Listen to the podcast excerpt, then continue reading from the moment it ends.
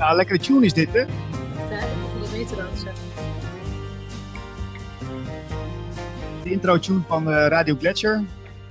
Fijn dat je kijkt naar dit programma. We zijn er tot eh, twee uur. En eh, we hebben weer een hele bijzondere gast in ons midden. Daar gaan we zo meteen uitgebreid mee in gesprek. Ehm, ja, ik wil eerst even naar Marlijn toe. Marlijn, hoe is het met je? Zo vals. Zo vals. Eh, Hoezo? het- nou, jij weet precies hoe het eh, met mij is. Oké, ik, zal, ik zal eens even groot in beeld eh, zetten. Want dan eh, kun je mijn waterige oogjes eh, zien. En eh, een, beetje, een beetje wallen en zo. Dus eh, zo, zo gaat het met mij. Oké.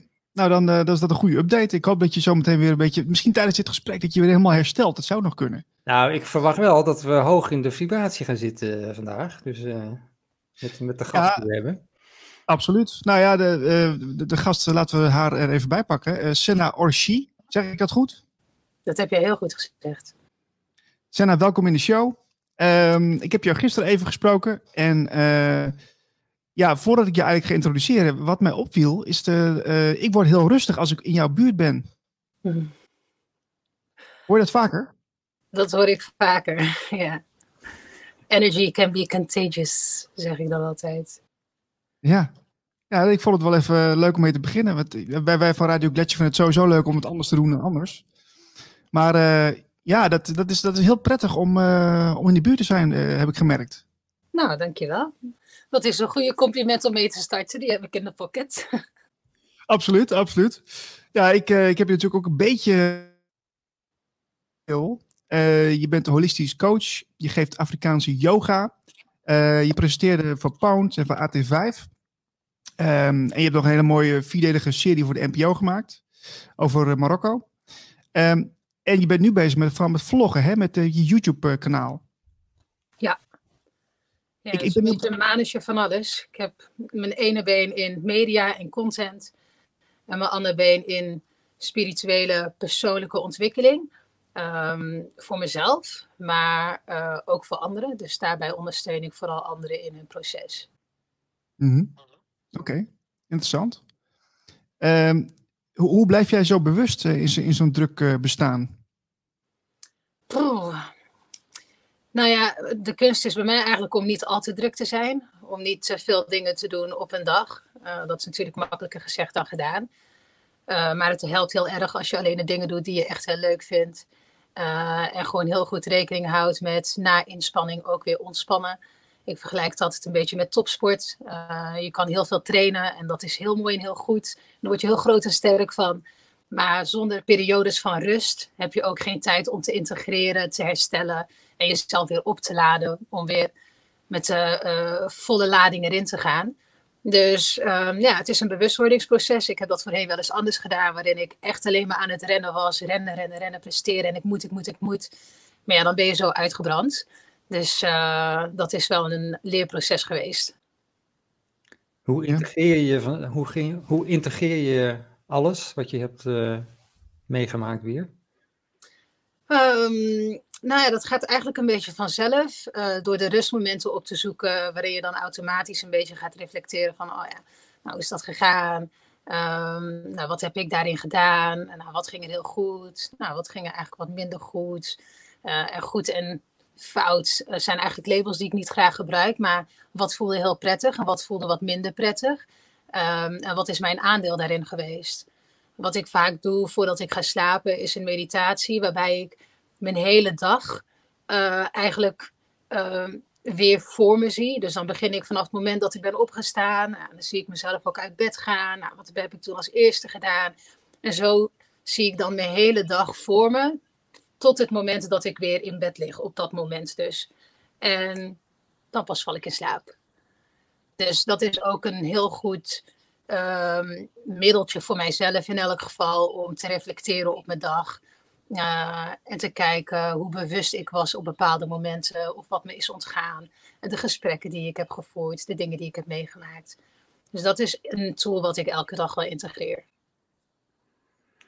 Ja, dat is moeilijk, dat is moeilijk natuurlijk. Want dan. Je, het, lijkt me dat je dan heel snel een soort van in de. in de beoordelingsmodus schiet. Dat je denkt van, oké, dat heb ik dat niet goed gedaan. Dat is slecht en dat is goed. Eh, maar dat, daar moet je dus uitblijven, denk ik. Ja, absoluut. Daarom, ik, ik, daarom wil ik ook niet de termen goed of slecht gebruiken. Uh, maar meer wat voelde prettig en wat voelde minder prettig. En ik merk dan ook in die meditatie die ik dan doe. Er zijn er sommige momenten waar je dan heel snel voorbij wil raffelen. En sommige momenten waar ik dan toch wat langer bij stilsta. En dan wat meer op de gesprekken zit en hoe ik me daarbij voelde. En op die manier kom ik ook al wat dichter bij mezelf van, oh, nou, waarom voelde ik me eigenlijk zo goed of wat minder goed uh, op dat moment? Um, en wat kan ik er dan zelf aan doen om dat de volgende keer of te ontwijken of juist op een betere manier aan te gaan?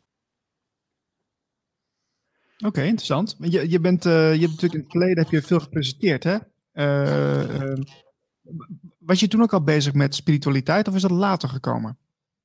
Nou, ik denk dat ik altijd wel spiritueel ben geweest. Wij zijn allemaal wel spiritueel, we zijn spirituele wezens. Um, maar ik ben er niet, um, zoals ik er nu mee bezig ben, heel bewust mee bezig geweest in, uh, in het verleden. Ik ben wel religieus opgevoed, dus in dat opzicht had ik altijd wel een soort van toolbox mee um, met bepaalde rituelen en practices die ik dan deed. Maar er is ergens in mijn leven een switch geweest waarin ik met mezelf heb afgesproken van nou, alles wat ik heb meegekregen en geleerd vanuit mijn ouderlijk huis, vanuit de maatschappij, vanuit mijn vrienden en vanuit uh, mijn onderwijsinstelling. Dat ga ik deleten en ik ga gewoon helemaal opnieuw beginnen. Uh, en mezelf nieuwe dingen aanleren. En wat kritischer kijken naar um, de gedrag en denkpatronen die ik nu heb. En dat was wel een, een soort van kantelpunt in mijn leven. Um, waar echt een, een heel intens bewustwordingsproces uh, in gang werd gezet.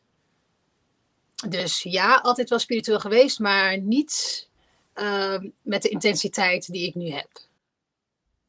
Zo, maar dat is wel een, een flinke ommezwaai die je dan maakt, hè? Want uh, dat kritische kijken ook vooral naar religie. Uh, de omgeving van jou, dat stel ik me zo voor, hè? Die, die staan nog wel heel erg in die modus van, uh, van, van, van het religieuze. Hoe, hoe, hoe, werd erop gereageerd? Um, nou ja, ik denk dat vanuit iedereen uh, in eerste instantie wel gereageerd werd of naar me gekeken werd met waar, waar ben je allemaal mee bezig en welke kant ga je nou uit? Want ja, ik, ik, werd, ik ging van vlees eten en echt elke dag vlees eten ineens naar vegan. Uh, ook super veel afvallen, dus dat mensen ook echt dachten van gaat het wel goed met je? En nou, je ziet helemaal niet goed uit en je wangen zijn ingedrukt en waarom ben je zo extreem? En je kan toch af en toe nog wel vlees eten? Dus een stukje onbegrip van mensen. Ook wel een stukje onwetendheid. Van ja, wat, wat is ze aan het doen en is het wel goed voor haar? Um, maar dat zie ik eigenlijk, dat, dat zie ik eigenlijk altijd wel terugkomen op momenten dat ik een, een zwaai ga maken, een switch ga maken en dingen heel anders aanpak. Dat er uh, een soort van weerstand is vanuit de omgeving. En ik denk dat dat vaak ook meer is vanuit bezorgdheid. Uh, en ook gewoon vanuit ontwetendheid. Want ja, zij kennen natuurlijk dat wat we hebben meegekregen. En op het moment dat je daar tegen ingaat, ja, dan kan het soms heel eng zijn. Weet je, angst voor het onbekende. En, die, die uh, patronen waar je het dan over hebt, hè? Hoe, uh, hoe transformeer je die? Kun je daar iets wat over zeggen? Ja, het is vooral in eerste instantie inzicht krijgen in bepaalde patronen. Van hé, hey, um, in deze situatie ben ik vaker gekomen. Uh, of hey, dit soort gesprekken heb ik vaker gehad. Of hey, op deze manier reageer ik wel eens vaker, terwijl ik me daar eigenlijk helemaal niet prettig bij voel. Of eigenlijk zou ik heel anders willen reageren. Uh, dus het is eerst in eerste instantie voor mij dat stukje bewustwording. Bewust worden van je patroon. Um, en daarin kijk van oké, hoe zou ik dat anders willen? En vaak wanneer ik dan het anders probeer te doen, dus het ga oefenen, uh, kom ik ook steeds meer erachter waar mijn patroon vandaan komt. Dus bijvoorbeeld, nou, zo heb ik het aangeleerd vanuit huis. Of nou, omdat ik bepaalde dingen heb gemist, ben ik dat heel erg gaan compenseren met een bepaald gedrag. Uh, of dat ik dan inzie van, oh, het is eigenlijk vanuit een bepaalde angst of vanuit een bepaalde schaamte. Um, dus in het oefenen om het anders te doen en om dat patroon te doorbreken, leer ik dan vaak ook uh, waar dat patroon vandaan komt. Oké. Okay. En op je, dat hoorde ik jou in, in een video zeggen, op je 25ste, toen was er een soort, toen ging er iets aan, hè? Of toen, uh, toen dacht je van, nou, dit wil ik helemaal niet meer. Dit, dit, dit leven wat ik nu heb. Ja, klopt. Ja, ik was 25 jaar. Ik zat toen in de media, woonde negen hoog in Amsterdam. Um, volgens maatschappelijke begrippen alles op een rij. Um, een relatie, leuke vrienden, mooi huis, carrière. Um, kon veel reizen, dus ik had alle vrijheid wat dat betreft. En dus in een materialistische, fysieke wereld had ik volgens de maatschappij alles. Dus, uh, en ik linkte dat met, oh, nou, ik heb dus alles, dus dan zou ik ook heel gelukkig moeten zijn. Um, maar ik merkte steeds meer dat, ik, dat er een gevoel van leegte en um, een ongelukkig gevoel aan het sudderen was. En dat merkte ik heel erg in bijvoorbeeld nadat ik dan weer een reis ging maken. En dan ging ik naar de andere kant van de wereld. En zou je super blij en enthousiast moeten zijn. En dan ja, kwam ik daar aan en nou, we gaan het nog een keer doen. En, ik voelde me daardoor heel ondankbaar. Van nou ja, je hebt alles, je, hebt alle vrijheid om de dingen te doen die je wilt. En toch mis ik een bepaald, uh, een bepaald gevoel, een bepaald enthousiasme en uh, levendigheid. En toen ik steeds meer ging toegeven aan dat gevoel, dus ook eerlijk tegenover mezelf durfde te zijn van, oh maar wacht eens even, misschien heb ik alles, maar heb ik helemaal niks? Toen ging er ineens een, een, een deksel van een, een hele donkere pot. En um, daarin besloot ik uh, om heel veel dingen ook gewoon op te geven. Van nou ja, van mijn carrière word ik kennelijk niet gelukkig, dus misschien moet ik hem stoppen. Nou, van bepaalde vrienden word ik kennelijk niet gelukkig, dus misschien moet ik die relaties verbreken. Ja. toen ben ik eigenlijk heel veel dingen waarvan ik, waar, waar, ik heel erg aan vasthield, omdat ik dat gewend was, of dacht dat dat zo hoorde, of omdat ik dacht dat het me gelukkig maakte, ben ik eigenlijk gewoon zo beetje bij beetje gaan loslaten. Uh, waardoor ik eigenlijk uiteindelijk met mezelf overbleef, thuis op de bank, uh, met een stapel boeken, heel wat documentaires en vijf vragen. Wie ben ik? Wat ben ik? Wat doe ik hier? Uh, wat is het bestaan? En geloof ik in een God, ja of nee? Want ik ben wel islamitisch opgevoed, maar geloof ik dat echt omdat ik dat oprecht geloof? Of geloof ik dat omdat ik dat zo heb meegekregen? En uh, die vijf vragen, ja, die, die ging ik beetje bij beetje uitzoeken. En hoe meer ik erin dook, hoe meer antwoorden zich onthulden. En die liepen dan ook weer heel veel andere vragen op, moet ik eerlijk zeggen. Maar dat was een begin van een spirituele reis. En dat had ik op dat moment niet door. Uh, want het was een hele duistere periode. Um, maar wel een van de mooiste periodes en transformatieve periodes in mijn leven tot zover. Wauw. Ja, daar is wel moed voor nodig, ja. denk ik. Ja, en zeker bij die laatste vraag merkte ik dat er heel veel weerstand was. Van, oh, maar geloof ik wel in een God en ben ik wel echt islamitisch? Um, ik liep heel lang tegen die vraag aan. En um, ik merkte dat ik ook heel lang die vraag niet durfde te beantwoorden. Uh, dus dat ik oprecht niet durfde op zoek te gaan naar antwoorden. En eigenlijk was het pas op het moment waarbij ik tegen mezelf zei van, of mezelf afvroeg van oké, stel nou uh, dat je dit, deze reis aangaat en je gaat zoeken en het antwoord is nee. Er is helemaal niks anders. Uh, er is geen God en islam ah, betekent helemaal niks. Stel je voor dat dat het antwoord is van je reis. Heb je daar dan vrede mee? Dus durf je tegendraads te zijn. Durf je tegen de rest in te gaan.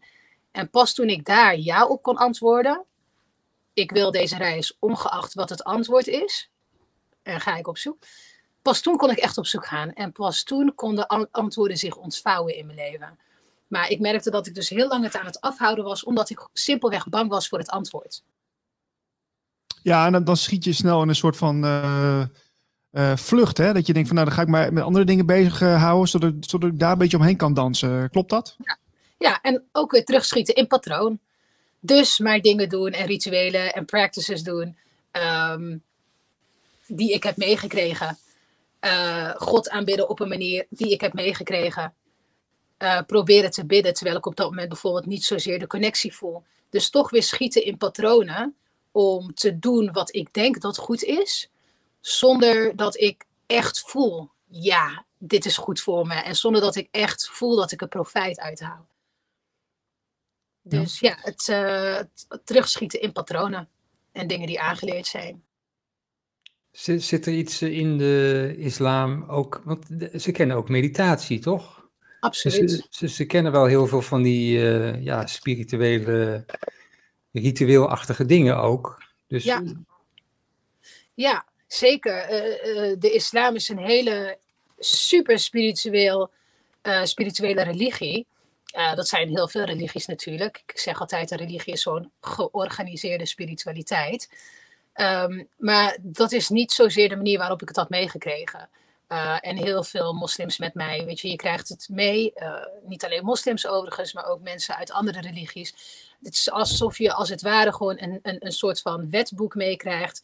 Een, een, een kader van uh, regeltjes en, en rituelen. En dit is hoe we het doen. En that's it. En ik merkte dat ik vaak vooral heel erg benieuwd was naar het stukje waarom. Uh, waarom doen we dit? Waarom op deze manier? En wat gebeurt er als ik het op een andere manier wil doen, omdat ik dat voel?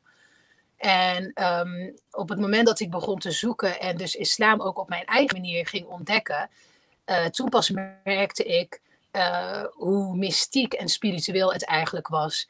En hoe het helemaal niet zozeer gaat om de regels en, en het, het uitvoeren van bepaalde handelingen maar meer om het doel wat je ermee bereikt. Uh, de, de, de, het bewustzijn wat je daarmee kan vergroten. En omdat ik daar voorheen helemaal niet zo mee bezig was, maar meer het uitvoeren van dat wat ik had meegekregen, ja, dan was het ook een hele oppervlakkige uh, connectie die ik had met mezelf, maar ook ehm, eh, met de divine, met, met God. Ja, ja, ik, ik, heb het, ik, ben, ik ben zelf niet gelovig opgevoed. Ik heb wel uh, in me enigszins verdiept in het christendom. Um, ik heb, er ook, ik heb ook een aantal jaren geleden het evangelie van Thomas gelezen. En als je dat leest en je bent met spiritualiteit bezig, want ik begon eigenlijk eerst met spiritualiteit en toen met religie.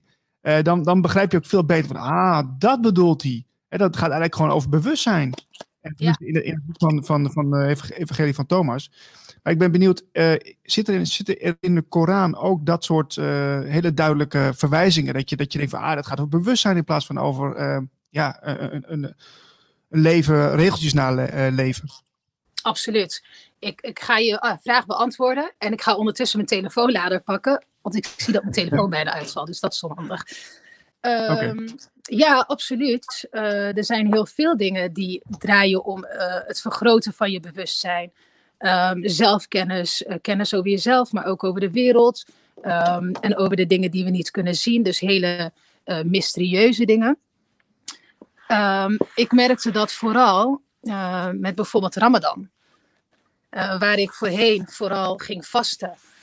omdat we dat zo hadden meegekregen. En dat doe je dan gewoon één keer per jaar. Uh, en ja, ik kreeg dan hele uh, mooie morelen, maar toch een beetje oppervlakkige morelen mee. Van ja, uh, het is goed voor je en we doen het uit solidariteit voor andere mensen. Kijk, nu zit ik volop in de zon. Zo. solidariteit voor, voor mensen die, die niet zo heel veel te besteden hebben en in armoede leven.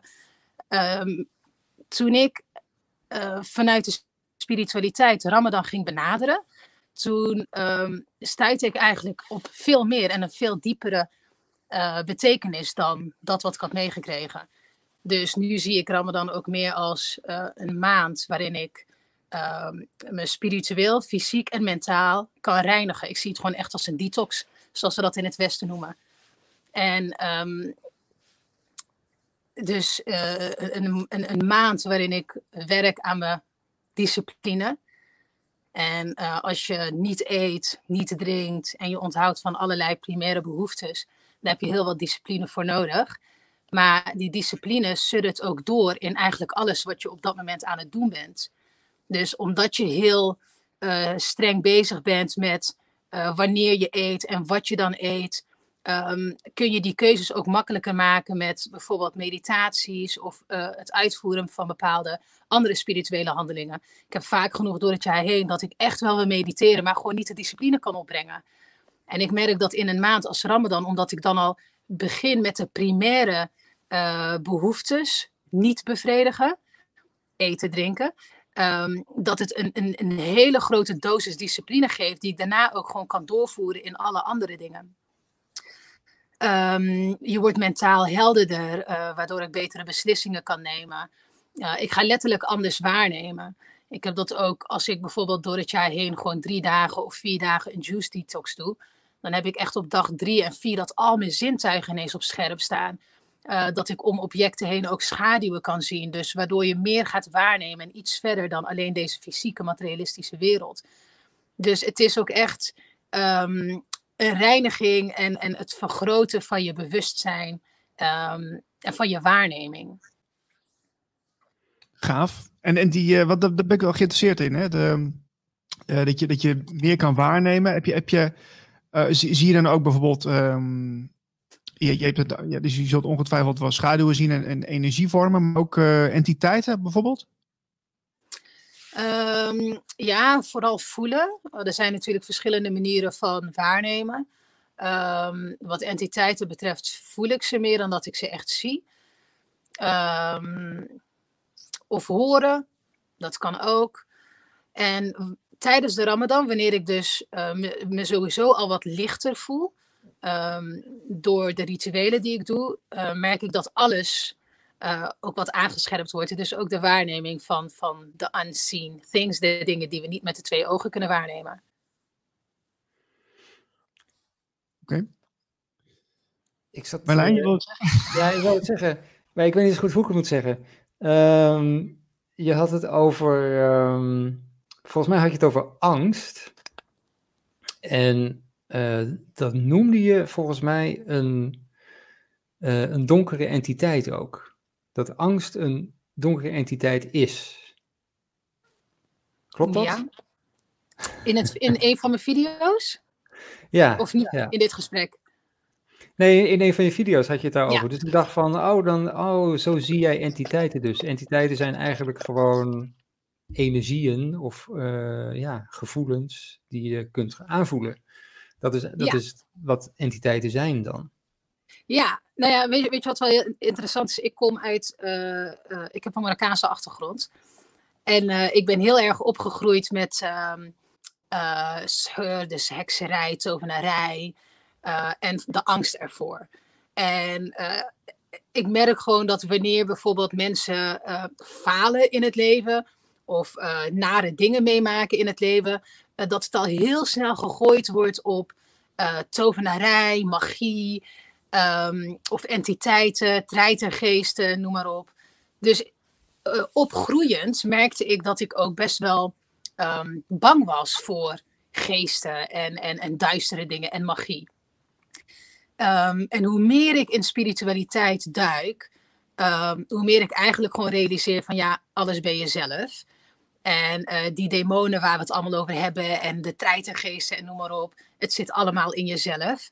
En ik zie inderdaad ook um, dus uh, negatieve energieën zoals angst of schaamte, schuldgevoelens, leugens, wrok, uh, jaloezie. Nou, zo kan ik nogal doorgaan. Dat zijn allemaal um, donkere energieën, negatieve emoties. En als jij niet leert hoe jij je angst kunt beheersen, dan zal angst jou overnemen. Dus op het moment dat je veel angst in je lichaam hebt, Um, en daardoor dus in je hoofd, want je hoofd is een, een, weerspiegeling van je lichaam en vice versa. Op het moment dat je dus veel angst in je hebt, dan bekijk je de wereld, bekijk je mensen, bekijk je jezelf ook door een bril van angst.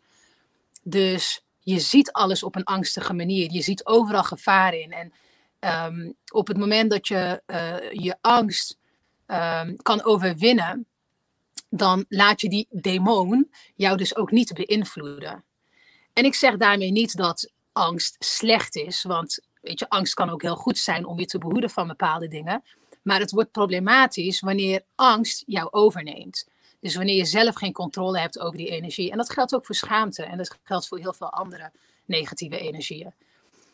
En andersom bijvoorbeeld, te veel van iets positiefs uh, is ook niet goed. Ik geloof dat van, voor alles heb je de juiste balans nodig. Er zijn heel veel mensen die uh, dingen doen uit liefde.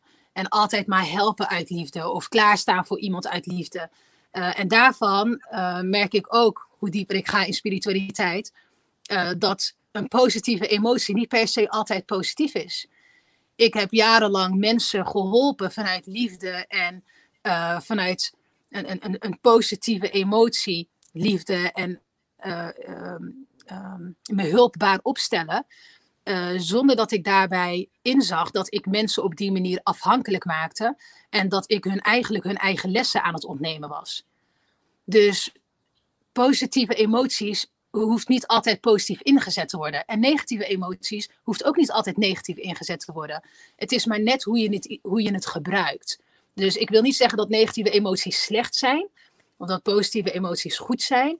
Um, maar het gaat mij meer om het creëren van een bewustzijn, waardoor je kan zien van oké, hoe kan ik bepaalde dingen het beste inzetten voor het beste resultaat. Heeft dat ook niet te maken, uh, Senna, met uh, het feit dat we als mensen onszelf veel meer kunnen helen in plaats van dat we, dat we uh, afhankelijk zijn van bijvoorbeeld medicatie of zo? dat, dat, dus dat, dat schiet mij dan snel te binnen. Ik heb ook wel in de, in de, in de jeugdzorg gewerkt en dan uh, dan is het ook heel snel van Ritalin en, en, en uh, andere medicatie aan jongeren verstrekken. Uh, ja. Waarin ze dus weer afhankelijk worden. Hè? Dus, dus zie, zie, zie je dat daar heel erg dat, dat mensen beter in hun eigen kracht kunnen staan als ze echt werkelijk weten wat, wat en wie ze zijn? Ja, absoluut. En daarmee dus ook controle nemen over je eigen bestaan. Over je eigen functioneren. Um, over je eigen gezondheid. En uh, dat je die macht dus ook niet weggeeft. Uh, ik heb ook heel veel mensen behandeld die super afhankelijk zijn van medicijnen. En daarmee dus eigenlijk de macht leggen bij de medicijnen en buiten hunzelf. Um, terwijl alle ziektes die er zijn, um, bedenk maar wat voor ziekte dan ook, of het nou een mentale is of een fysieke. Um, het, het, het is altijd een inbalans op energetisch niveau. Dus dat er op energetisch niveau een blokkade zit en dat uitzicht dan uh, op mentaal niveau uh, met bepaalde stoornissen. Um, het uitzicht in, in een fysieke vorm, waardoor je dus uh, fysieke pijn hebt of een fysieke ziekte hebt, ontstekingen um, of kanker of noem maar op. En op het moment dat je dus um, medicijnen neemt, dat kan heel fijn werken, omdat je de pijn misschien op dat moment niet voelt. Maar je bestrijdt daarmee alleen de gevolgen.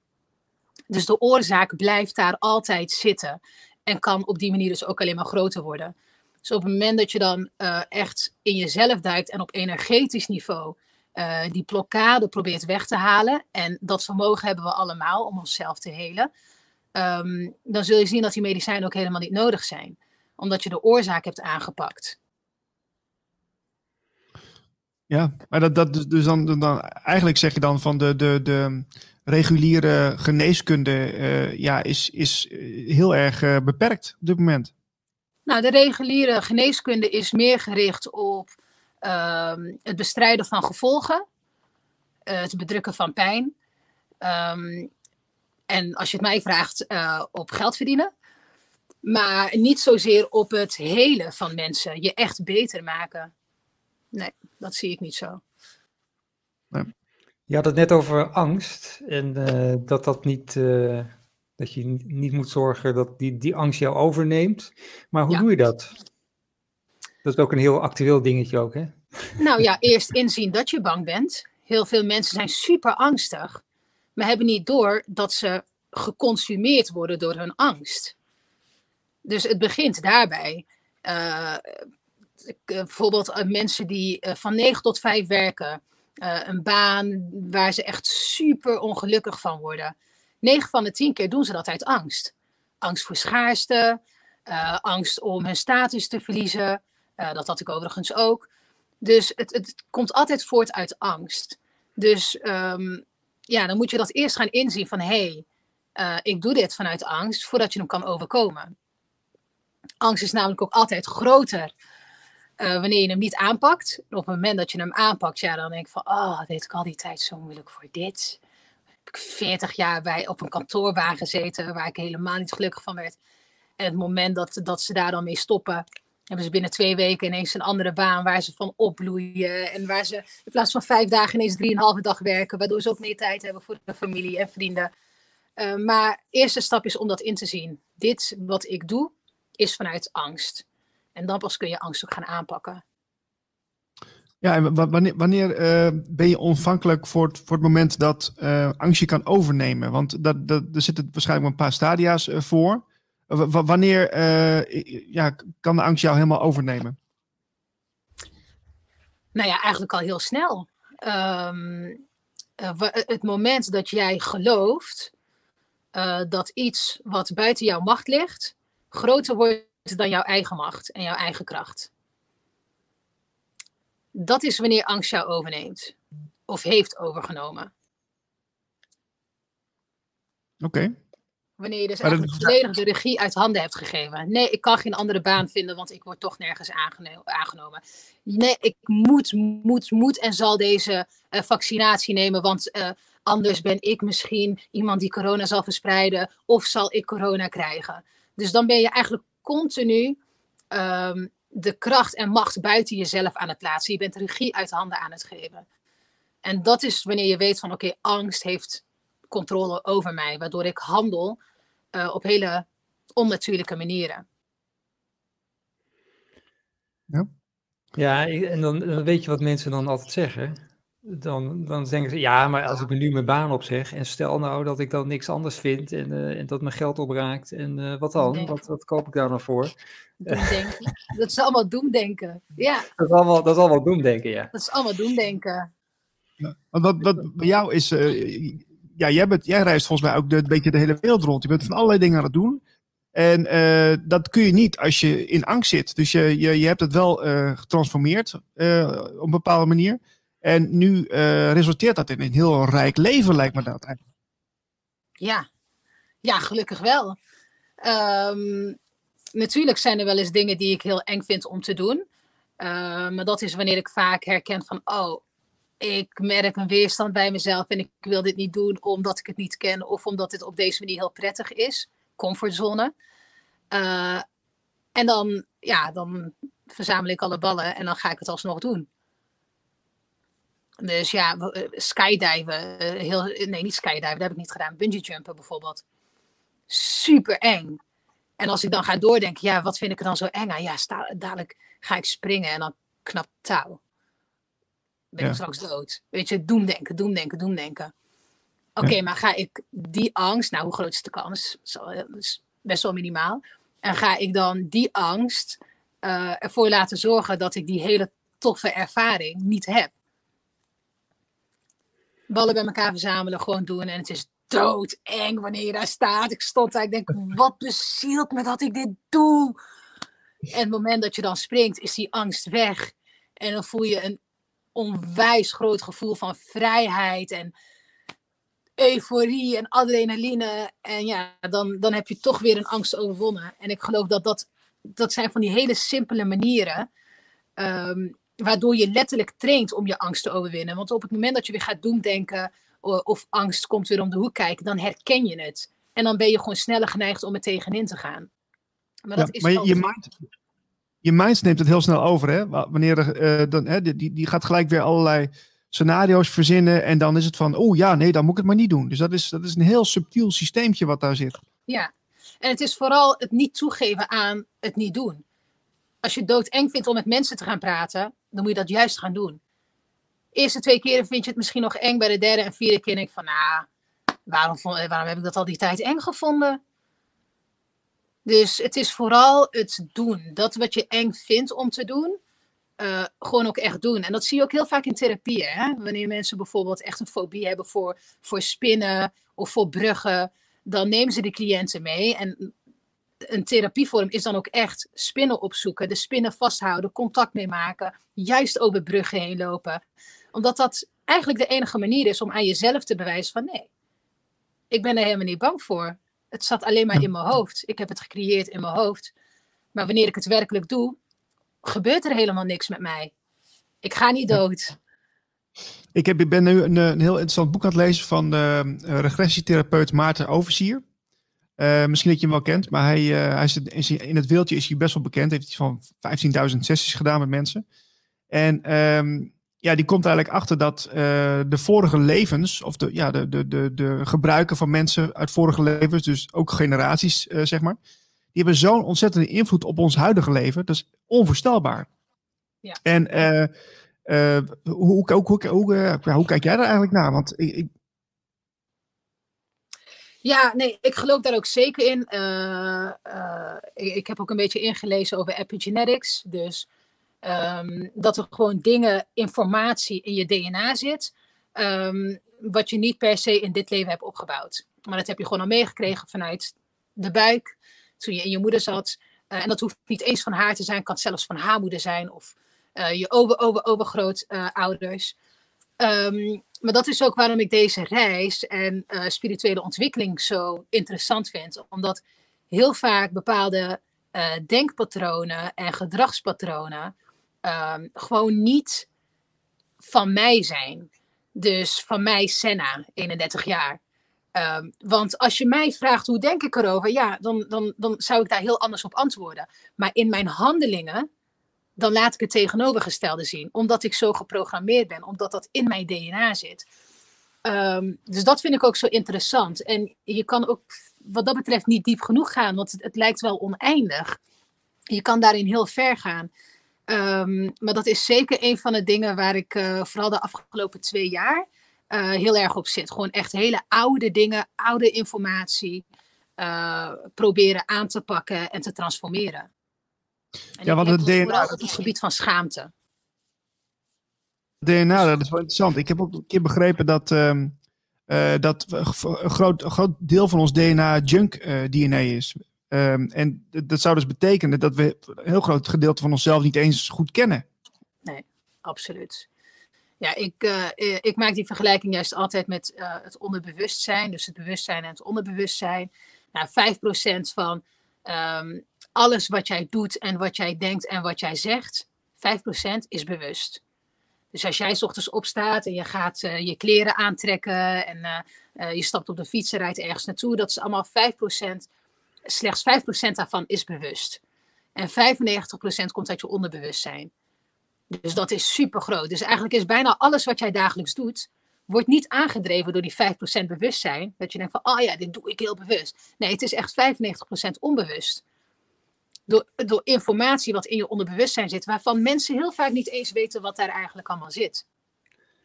En het, en het is ook zo dat die, uh, die 95% die wordt dan gerationaliseerd door de 5%. Hè?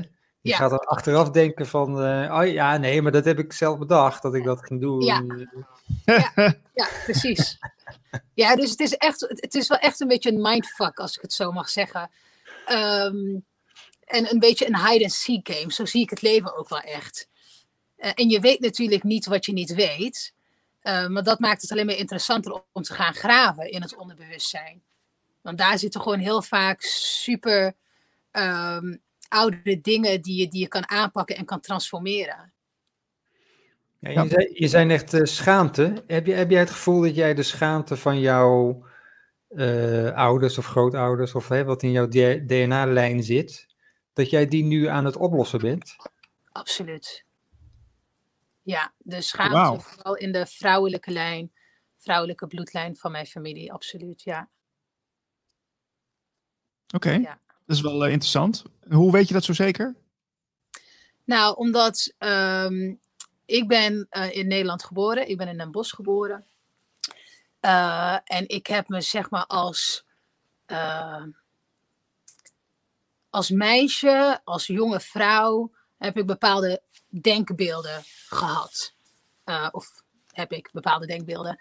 En ik merk dat uh, tussen al die denkbeelden ook gewoon nog heel veel uh, patronen zitten waarvan ik denk van hé, hey, dit is niet hoe ik wil denken, dit is niet hoe ik wil zijn. Um, en het moment dat ik dat ging aanpakken, merkte ik hoe, hoe veel terug het eigenlijk gaat. Dus dat het eigenlijk nog veel dieper ligt en veel dieper. Ik zal concreet een voorbeeld proberen te geven.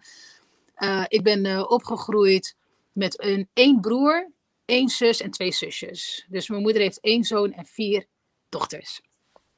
En uh, ik zit precies in het midden. Dus ik heb er twee onder met twee boven me. En opgroeiend, laten we zeggen vanaf mijn veertiende, vijftiende, merkte ik een soort van weerstand naar vrouwen. Nou ja, ik ben zelf vrouw, dat hoef ik je niet te vertellen. Maar ik had een weerstand naar vrouwen. En um, ik merkte dat ik weinig vriendinnen had, meer mannelijke vrienden. Ehm, ik vond sporten als kickboksen heel leuk, voetbal. Ehm, nou, ik ging op mijn 18, nee, iets ouder. Uh, rond mijn twintigste ging ik mijn motorrijbewijs halen.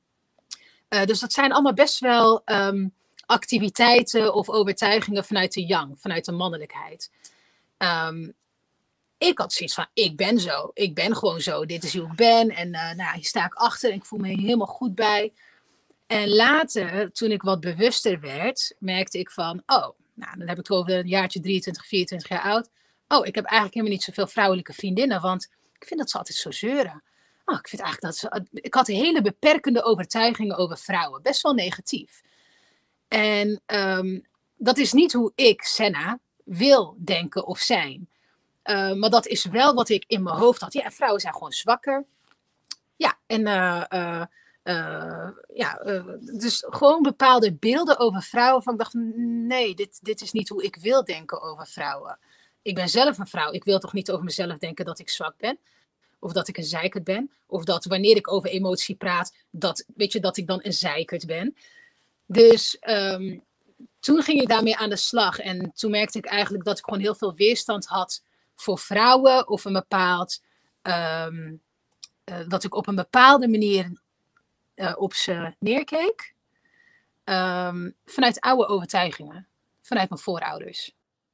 Hmm. Dat een vrouw ergens moet zijn. En dan, dus een heel erg divisie denken tussen man en vrouw. Een vrouw is dit en een man is dat. Een vrouw moet dit en een man moet dat. Ja, ja je, hoort ook wel eens uh, dat, dat, um, dat mensen uh, bewust incarneren in een bepaald leven. Te, op het moment dat ze dus eigenlijk bepaalde energie, um, dat ze daar de karma van op willen ruimen. Dus, de, dus er wordt gezegd, ik heb wel eens gelezen dat, dat, dat het goed mogelijk zou zijn, in jouw geval, dat je in het vorige leven juist heel die mannelijke energie belichaamde. En dat je die nu, op dit moment dus, dat je daar nu mee bezig bent. Snap je wat ik bedoel? Ja, absoluut. Want, want je bent je, heel erg, die, die mannelijke energie, die vertegenwoordig jij heel makkelijk. Dat gaat je heel makkelijk af. Ja. Maar goed, dat is, dat is een theorie, hè? Ik, ik weet het niet. Maar... Nee, maar het is echt zo. Inderdaad, mijn mannelijke energie. Uh, uh, dus even voor mensen die niet heel erg in energieën zitten, uh, laten we het vanuit het brein bekijken. Je linker hersenhelft is vooral het ordenen, orde, structuur, analyseren, plannen. dus hele mannelijke kwaliteiten. Dat noemen we gewoon mannelijke energie. Dat had ik allemaal super goed onder controle.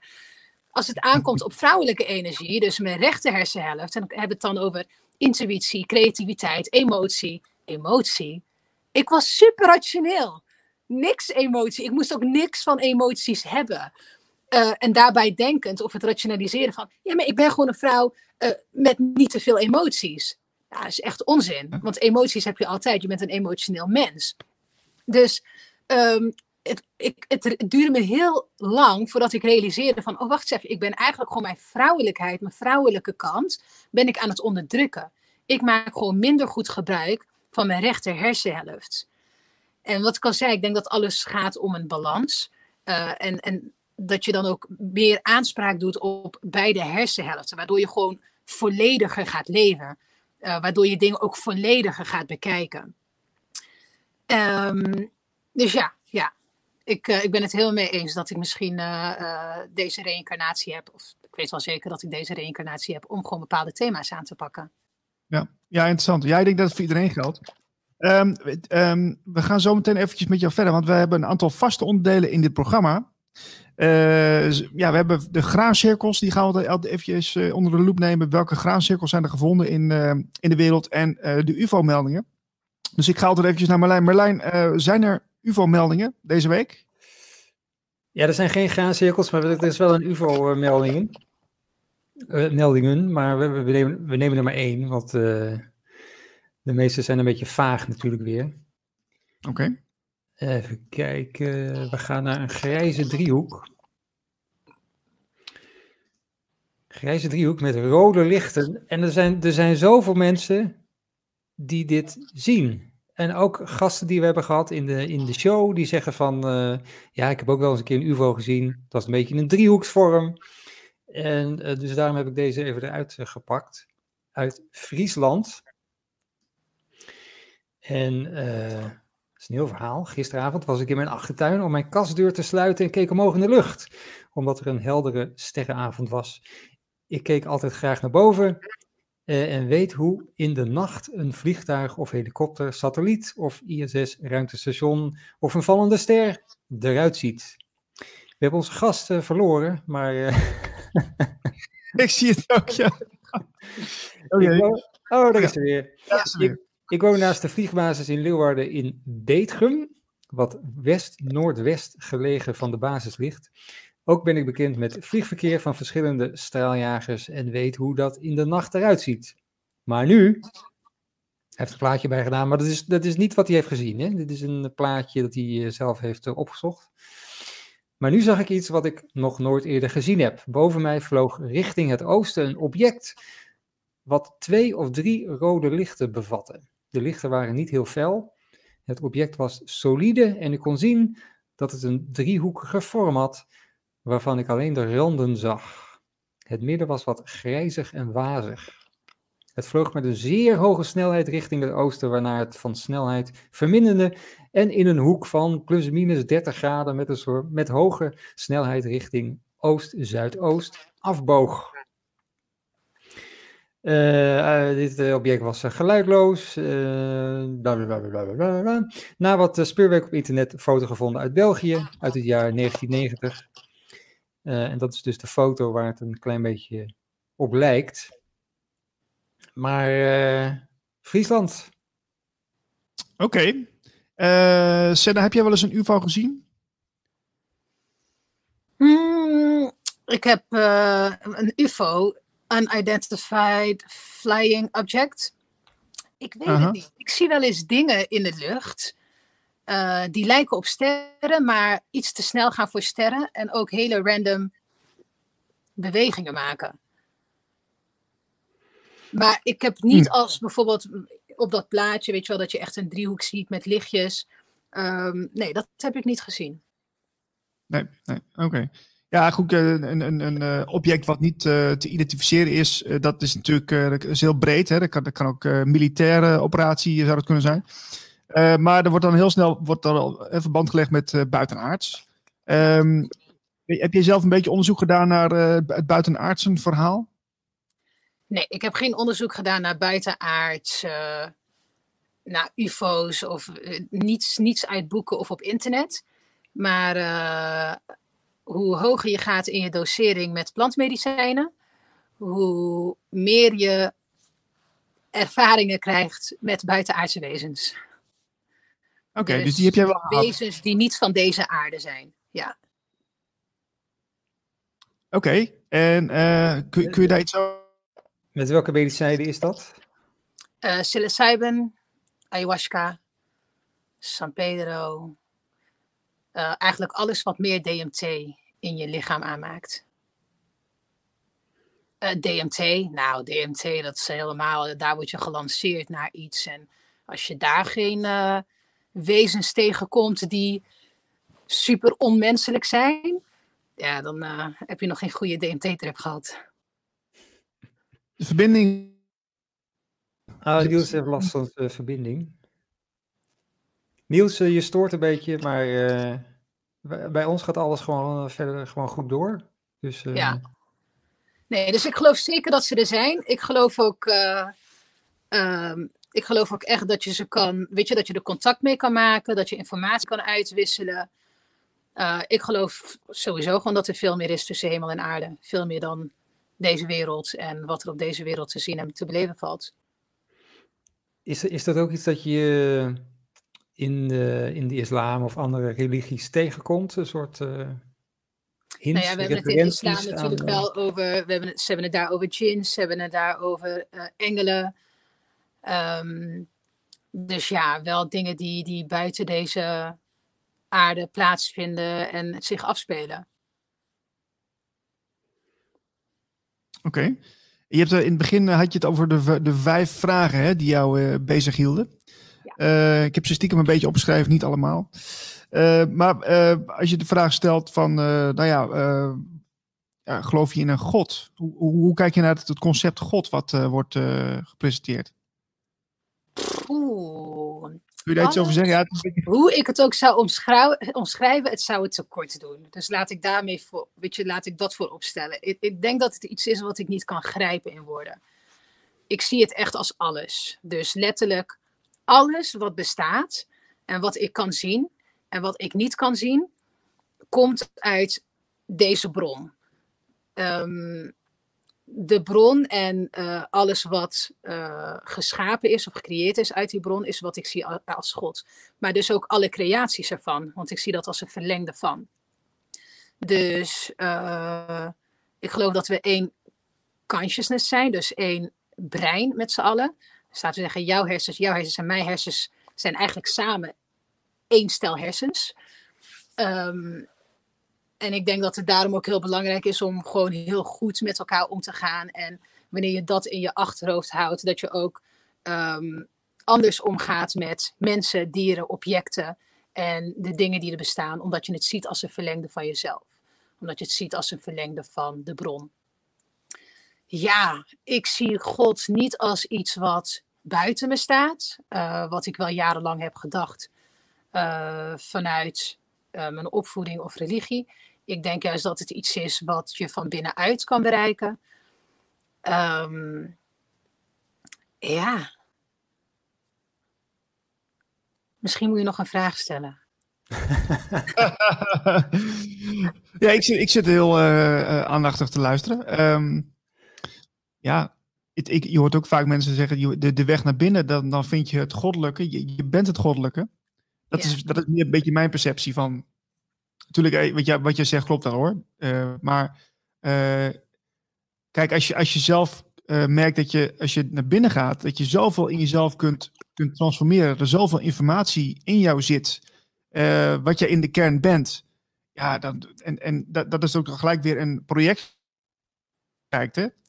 Dus als ik, als ik vaak mediteer of als ik vaak met mezelf bezig ben met, uh, met oefeningen of met, met, ben met de binnenwereld verbonden, dan kijk je ook veel liefdevoller naar de buitenwereld. Dat, is, dat, dat straal je gelijk uit. En, en de, dan kijk je er gewoon heel anders naar. Het is bijna alsof je met een blij gezicht rond kunt lopen de hele dag. Dat is, en als ja. je dat een tijdje niet doet, dan wordt het weer zwaarder.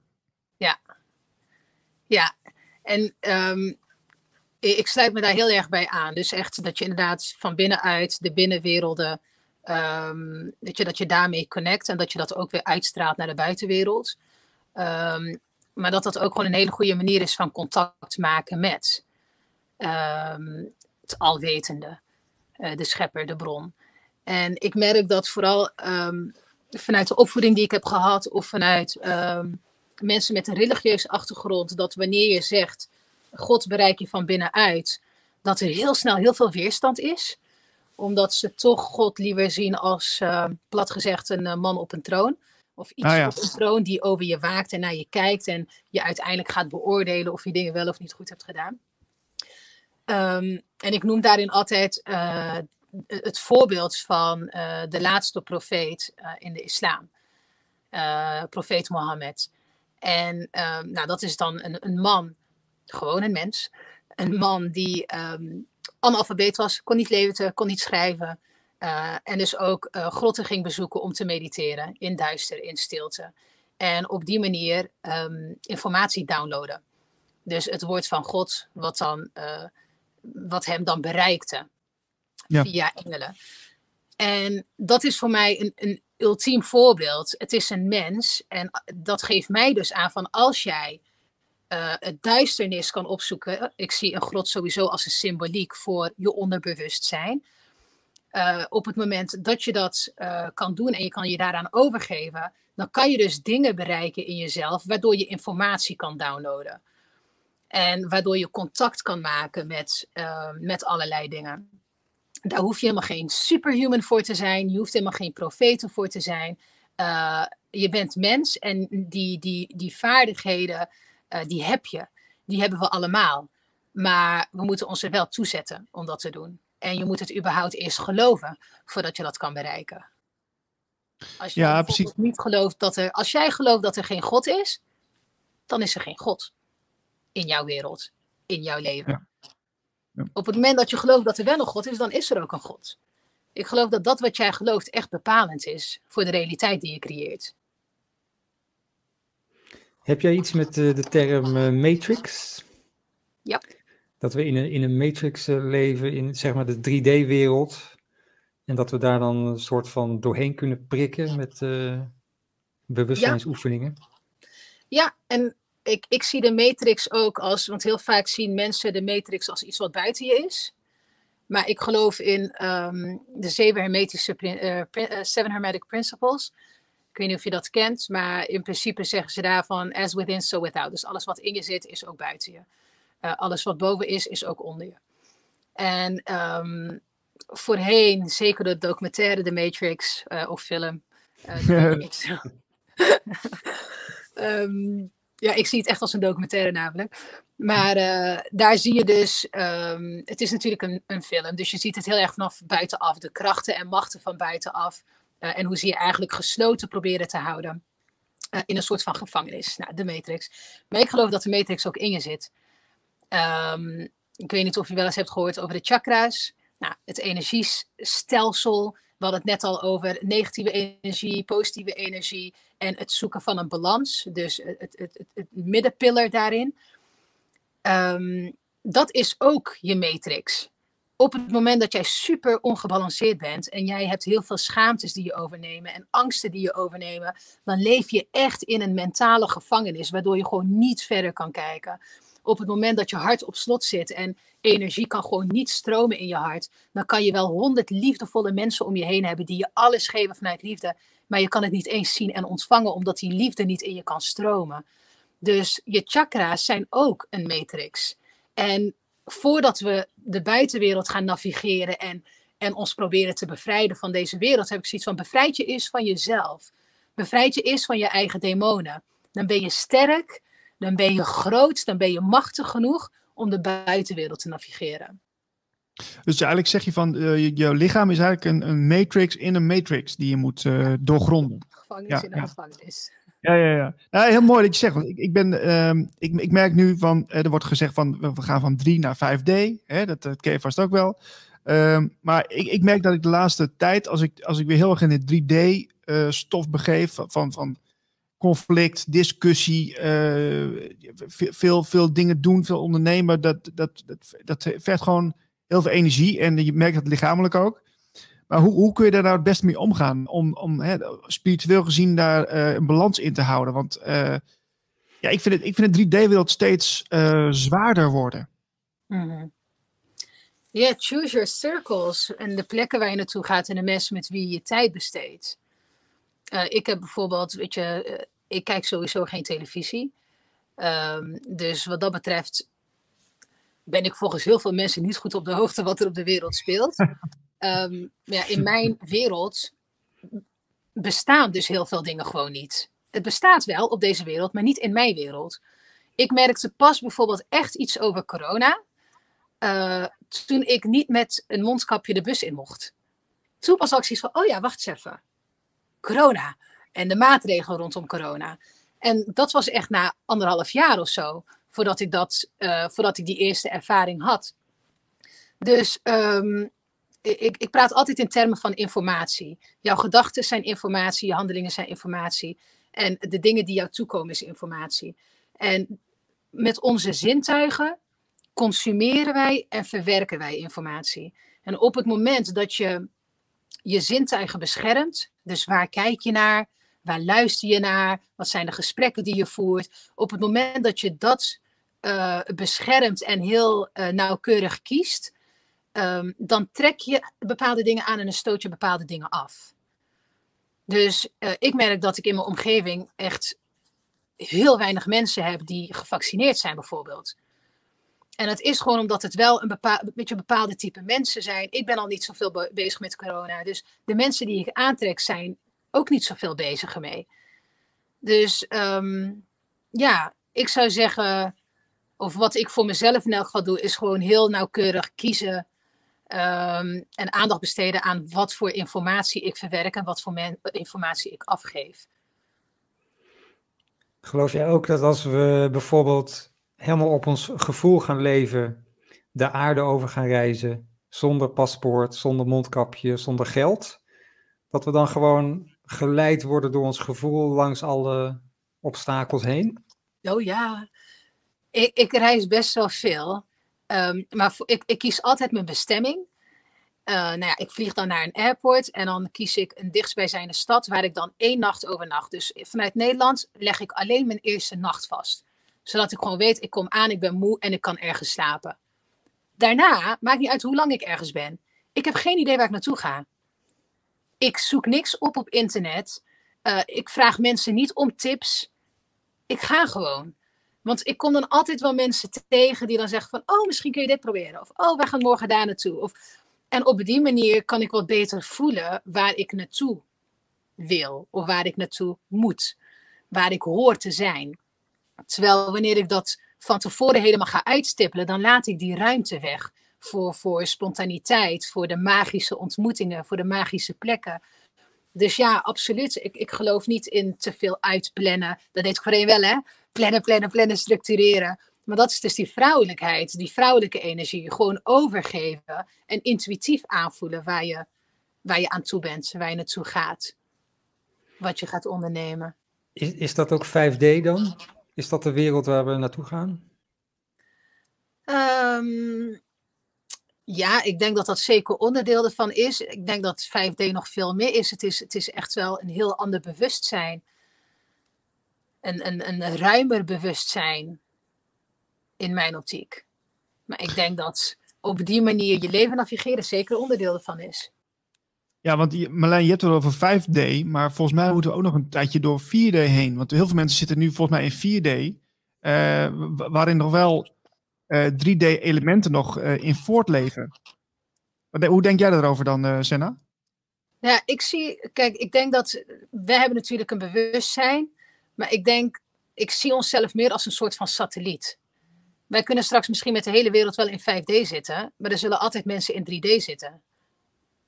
Dus um, ik, zie het, ik zie mezelf als een soort van satelliet en ik kan uh, afhankelijk van hoe ik eet, hoe ik me gedraag, uh, of ik wel of niet mediteer, weet je, mijn mentale gesteldheid. Daarmee stel ik mezelf af op een bepaalde frequentie, net zoals met een radio. Je kan aan knopjes draaien en dan vang je een bepaald signaal op. Uh, of je draait verder en dan vang je een ander signaal op. Zo zie ik onszelf ook. Je kan aan bepaalde knopjes draaien, noem het voeding, beweging, meditatie en noem maar op. En daarmee stel je jezelf af op een bepaalde frequentie. Dus er zijn periodes waarin ik me super 5D voel. Omdat ik daar ook, uh, omdat ik die input ook heb gegeven aan mezelf. En er zijn sommige dagen waarin ik gewoon dik, dik in 3D zit. Met gewoon de meest aardse, lompe gesprekken die er zijn. En dan denk ik van, oh, wat heb ik gedaan dat ik hier zit? Ik moet echt weer even aan mijn meditatie. Ik moet weer beter gaan eten. Ja, maar dat, dat is wel grappig, dat je daar, daar, daar schijnbaar dus wel uh, in kan uh, vertoeven. Dus je bent, je bent eigenlijk, ja, eigenlijk ga je door, door letterlijk door allerlei landschappen heen van mensen. Uh, van 3D, 4D, 5D. En ja, het is, het is aan jou om daar, ja, om daar, om daar op een bepaalde manier, ja, om de juiste manier mee om te gaan. Um, ik wilde net wat zeggen. Ja, ik, heb, ik, heb opeens een, ik had een leuk idee uh, gisteren. En dat heb ik uh, ook aan Marlijn verteld. We zijn bezig met een radiostation. En ik dacht, nou, wij moeten eigenlijk af van het concept van het nieuws en het weer elk uur, weet je wel. Dat, dat is traditionele radio en tv. Maar als we dan een beetje meer naar de 5D gaan, dan is het misschien wel leuk om in plaats van het weer een, een, een soort energetische update te geven van, van een bepaalde periode. Dat is dan veel, veel bruikbaarder, denk ik. Want ik, ik zag ook gisteren iemand die maakte een video dat er energetisch de komende weken zoveel gaat veranderen, planetair dat dat toch veel meer zinvolle informatie is dan dat je weet of het morgen 10 graden is of 15 graden. Ja, ik moest trouwens aan je denken gisteren. Dat heeft ook hiermee te maken. Want jij had het over dat jij uh, een paar dagen geleden, toen we elkaar spraken, dat je een paar dagen geleden helemaal niet kon slapen. En dat je alleen maar aan het denken was. En wat moet ik gaan doen? En dingen plannen. En uh, dingen proberen uit te pluizen, toch? Ja, klopt. Ja. Nou, en gisteren toen uh, was ik hier met een vriendin. En toen zei ze op een gegeven moment van, oh, WhatsApp ligt eruit. Ik zeg, oh. Ze oh, Facebook ligt er ook uit. Oh. Ze zegt, ja, en Instagram ook. Zeg, oh, dat, is, dat is wel heel apart. Zegt ze, ja, maar het is wel één bedrijf. Ik zeg, ja, maar het is wel heel apart dat, ze, dat het hele systeem eruit ligt. Dat is echt wel, uh, dat is niet oké. Ik vind en ik zeg, nou, ik vind het gewoon heel verdacht. Maar ja, zij zit wat meer in 3D. Ze had ja, ze hebben gewoon een storing. En weet je, dat was het gesprek. En toen zij dus wegging, uh, toen zat ik op YouTube en kwam er ineens een filmpje voorbij over de Mercury um, retrograde. Ja. Ik, oh, daar ga ik even op klikken. Dus daar klikte ik op en er kwamen zoveel dingen in voorbij, want ik hield me er helemaal niet zo bezig. Uh, en er kwamen heel veel dingen voorbij van ja, het is een trickster. Um, weet je, het, het, uh, het fopt dingen, het kan systemen neerhalen. Um, cyberaanvallen zijn allemaal heel normaal in deze periode. Maar ook dat je dingen gaat overdenken, dat je geen duidelijkheid of helderheid ziet en dus gaat overpijnzen. Dat je dingen te veel probeert te structureren of, of weet je, dat je nieuwe projecten wil aangaan terwijl je dat beter niet kan doen. En terwijl ik dat filmpje hoorde, dacht ik van, oh, dit is zo waardevol. Zoveel dingen vallen op hun plek. Weet je, bepaalde dingen die ik heb gevoeld, of nou, de gesprekken die ik heb gehad met andere mensen, die dan zeggen van, nou, oh, dit heb ik gevoeld en ik weet niet wat ik ermee moest. Ik van, ah ja, dus in dat opzicht denk ik dat het heel waardevol zou zijn, überhaupt, wanneer astrologen gewoon meer aan het woord komen. Absoluut. Die gewoon inderdaad meer vertellen van, oké, dit is wat er energetisch en kosmisch nu plaatsvindt. Dus dit is wat je kan voelen en dit is hoe je ermee om kan gaan. Echt de helft van de gesprekken niet mee. Ja, Niels, uh, je wifi is een beetje, uh, ook een beetje Mercury retrograde. dit krijg ik wel weer mee, dus dat is wel grappig. oh jee. Heb, Goed, jij, dat, heb, jij, heb, jij, iets gevoeld van de laatste dagen, sinds zo ongeveer, nou ja, vrijdag, 1 oktober? Want toen, toen ja, kreeg ik ook een beetje, nou ja, waar ik nu nog steeds in zit, een beetje raar, beetje raar, beetje raar allemaal. Heb, je, heb jij dat ook gevoeld? Ja, ik heb uh, vooral de afgelopen twee dagen een gevoel van onrust. Daarom was ik heel blij dat toen Niels zei van, oh, ik voel een bepaalde rust bij. denk ik van, oké, dus ik kom niet heel onrustig over bij andere mensen. Maar ik voel wel een bepaalde onrust. Um, ik merk dat, uh, dat ik heel erg behoefte heb om dingen te, uh, te strategize. Dus om, om strategieën te bepalen. Uh, maar tegelijkertijd voel ik dat ik aan een soort van ketting zit dat zegt van nee, dit is niet de tijd. Nu moet je gewoon zijn. Niet te veel plannen, niet te veel doen, gewoon zijn. Um, en gisteren dus ook, toen, toen social media eruit lag, uh, dat was een moment na het eten dat ik normaal gesproken even op, op Instagram ga of, of op, op Facebook of noem maar op. En WhatsApp, weet je, dat ik mijn, berichtjes allemaal ga beantwoorden. Nou, dat kon nu niet. En toen had ik ineens mijn handen vrij. dacht ik van, oh ja, wat, wat, ga, wat ga ik nu dan doen? En daarin realiseerde ik me van, oh ja, ik kan ook echt wel veel meer nog uh, een stapje terugzetten uh, en mijn tijd gewoon anders gebruiken in plaats van het weg te scrollen. Uh, echt gewoon meer tijd nemen om, om te reflecteren, om gewoon niks te doen, om gewoon rustig aan te doen. En toen, die, toen ik dus die social stop had gisteren, werd ik wel een beetje kriebelig van. ja. Ja. Oké, ehm, ik ben er weer volgens mij, dus ik, dat is wel veel fijn, want het beeld is af en toe een beetje vreemd. Um, ik, ik heb een, een podcast, die heet De Nieuwe Tijd. En ik ben altijd heel benieuwd hoe mensen die in deze radio-uitzending zitten, of in deze livestream, hoe die kijken naar de ideale toekomst. ik weet dat het moeilijk is, omdat het natuurlijk een beetje speculatief is. Maar ehm, wat, wat zijn drie voorwaarden volgens jou om, uh, ja, om, om, ja, om die nieuwe tijd te bereiken? Nou, in het verlengde ook van wat ik net zei, weet je, dat ik kriebelig werd van social media, of dat het gestopt was. Heel veel mensen hebben natuurlijk heel hun werk erop gebaseerd. Ik heb ook heel veel communicatie op social media lopen. Nou ja, um, de video's die ik post is ook op YouTube. Dus ik merk dat heel veel mensen, en ook ik zelf, um, een best wel kwetsbaar positie innemen. Door content te maken en heel veel tijd te investeren in kanalen die gewoon onzeker zijn. Want ze kunnen op de een of andere dag een cyberaanval hebben of storing of wat dan ook. En ja, dan liggen je werkprocessen gewoon stil. Dus ik denk dat in de nieuwe tijd uh, ondernemerschap ook heel anders zal zijn. Dat mensen gewoon wat onafhankelijker worden. Dus in plaats van naar mainstream kanalen te gaan, ehm, ook gewoon um, independent kanalen op gaan richten. Dat mensen wat meer gaan samenwerken en initiatieven gaan opzetten. Uh, die dezelfde werking en functies hebben als mainstream kanalen. Um, maar iets meer zeggenschap en co-creatie daarin. Dus dat het niet een monopolie is. Ik denk dat dat een van de dingen is.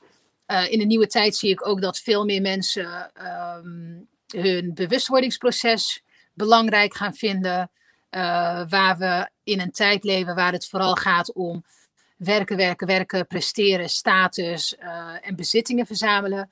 Denk ik dat mensen steeds meer gaan naar: um, hey, wat zit er eigenlijk allemaal nog meer in mij? Um, hun eigen heling, hun eigen groei. En dus eigenlijk hun zelfbewustwordingsproces voorop gaan zetten, waar, het voorheen, waar voorheen werk en geld prioriteit was. Uh, even kijken, dat zijn wel twee ontwikkelingen, ontwikkelingen die ik. Ik weet niet of ik het hoop, of dat ik het zie, of dat ik het gewoon heel graag wil. Maar dat zie ik wel in een nieuwe tijd. Ja, ja dat is eigenlijk een, een, een totale herziening van hoe we het nou doen, hè? Ja. Want uh, ja, het, kijk, als je echt begrijpt van uh, waarom je uh, die innerlijke processen kunt doorvoelen, dat heeft te maken met bewustzijn. Dat je, dat je weet van wat je bent en, en waar, waarom je hier bent.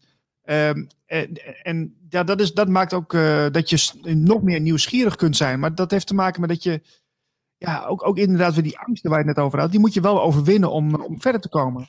Ja. ja. Het, het hangt eigenlijk heel erg met elkaar samen. Dat is wel grappig. Absoluut.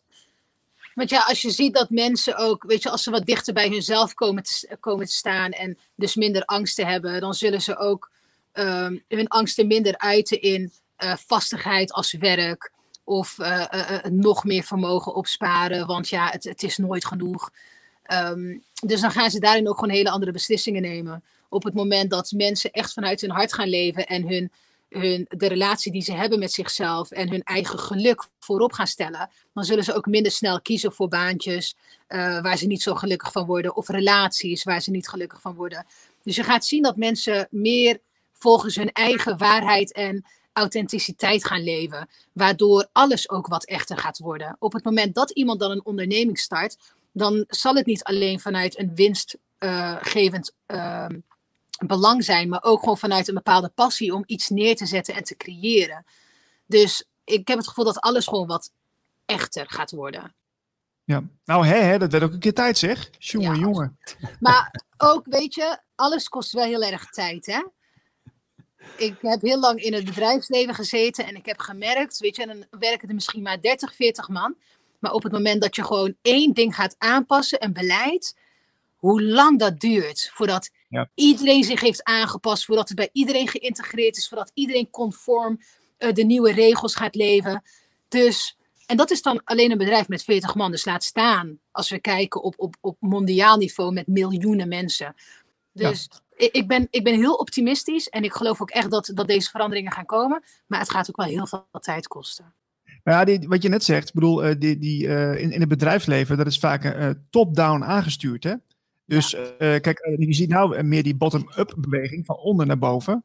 en en zo, zo zou ik het ook graag willen met, met, met zo'n zo'n initiatief als Radio Gletscher. Ik zou graag willen dat de mensen die op mijn platform of op ons platform komen, dat ik die ook een beetje ken. Dat ik, dat ik weet van, die, die, die persoon die, die, die, maakt een programma voor ons, maar die weet ook echt wat hij aan het doen is, waar, waar, we in zitten op dit moment. Weet je wel, dat, dat je echt die visie uitdraagt. En die mensen zijn er wel.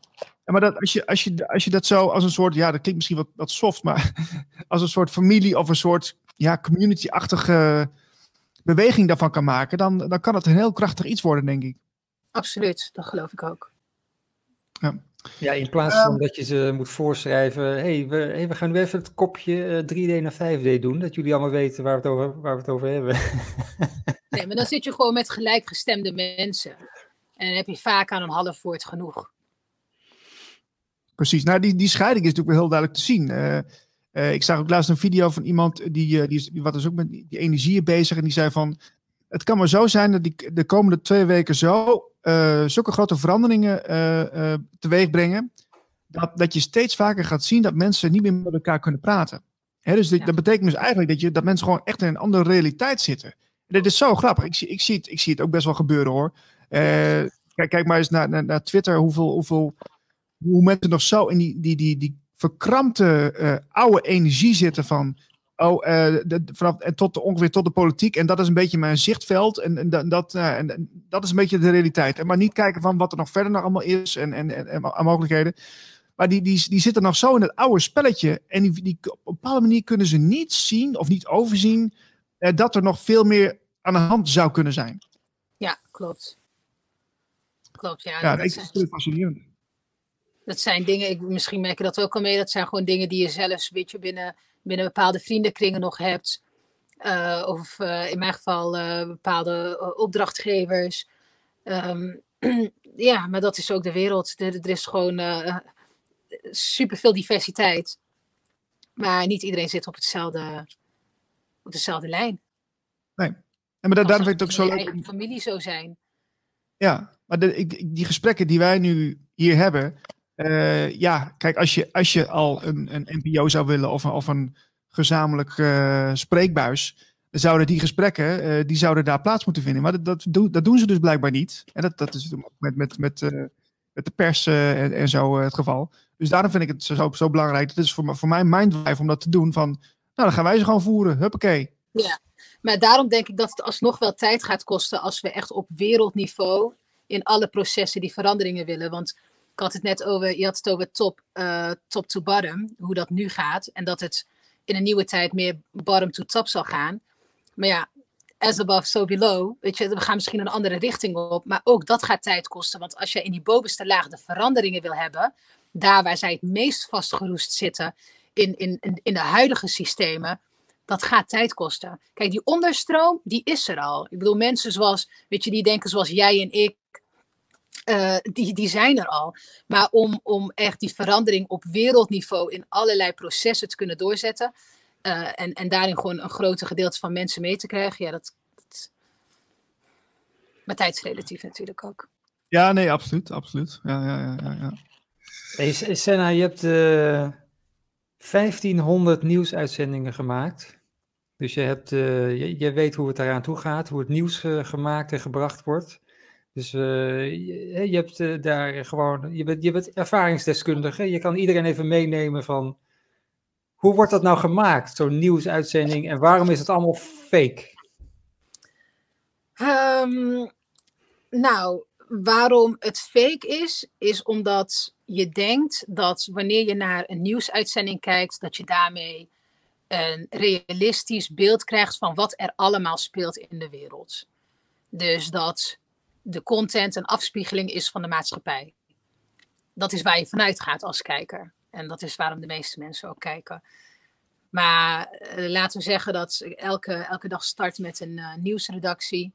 Um, waarin er uh, een, een, vergadering plaatsvindt over onderwerpen die dan besproken kunnen worden. Nou ja, je hebt natuurlijk maar een x aantal minuten, dus er kunnen maar x aantal onderwerpen besproken worden.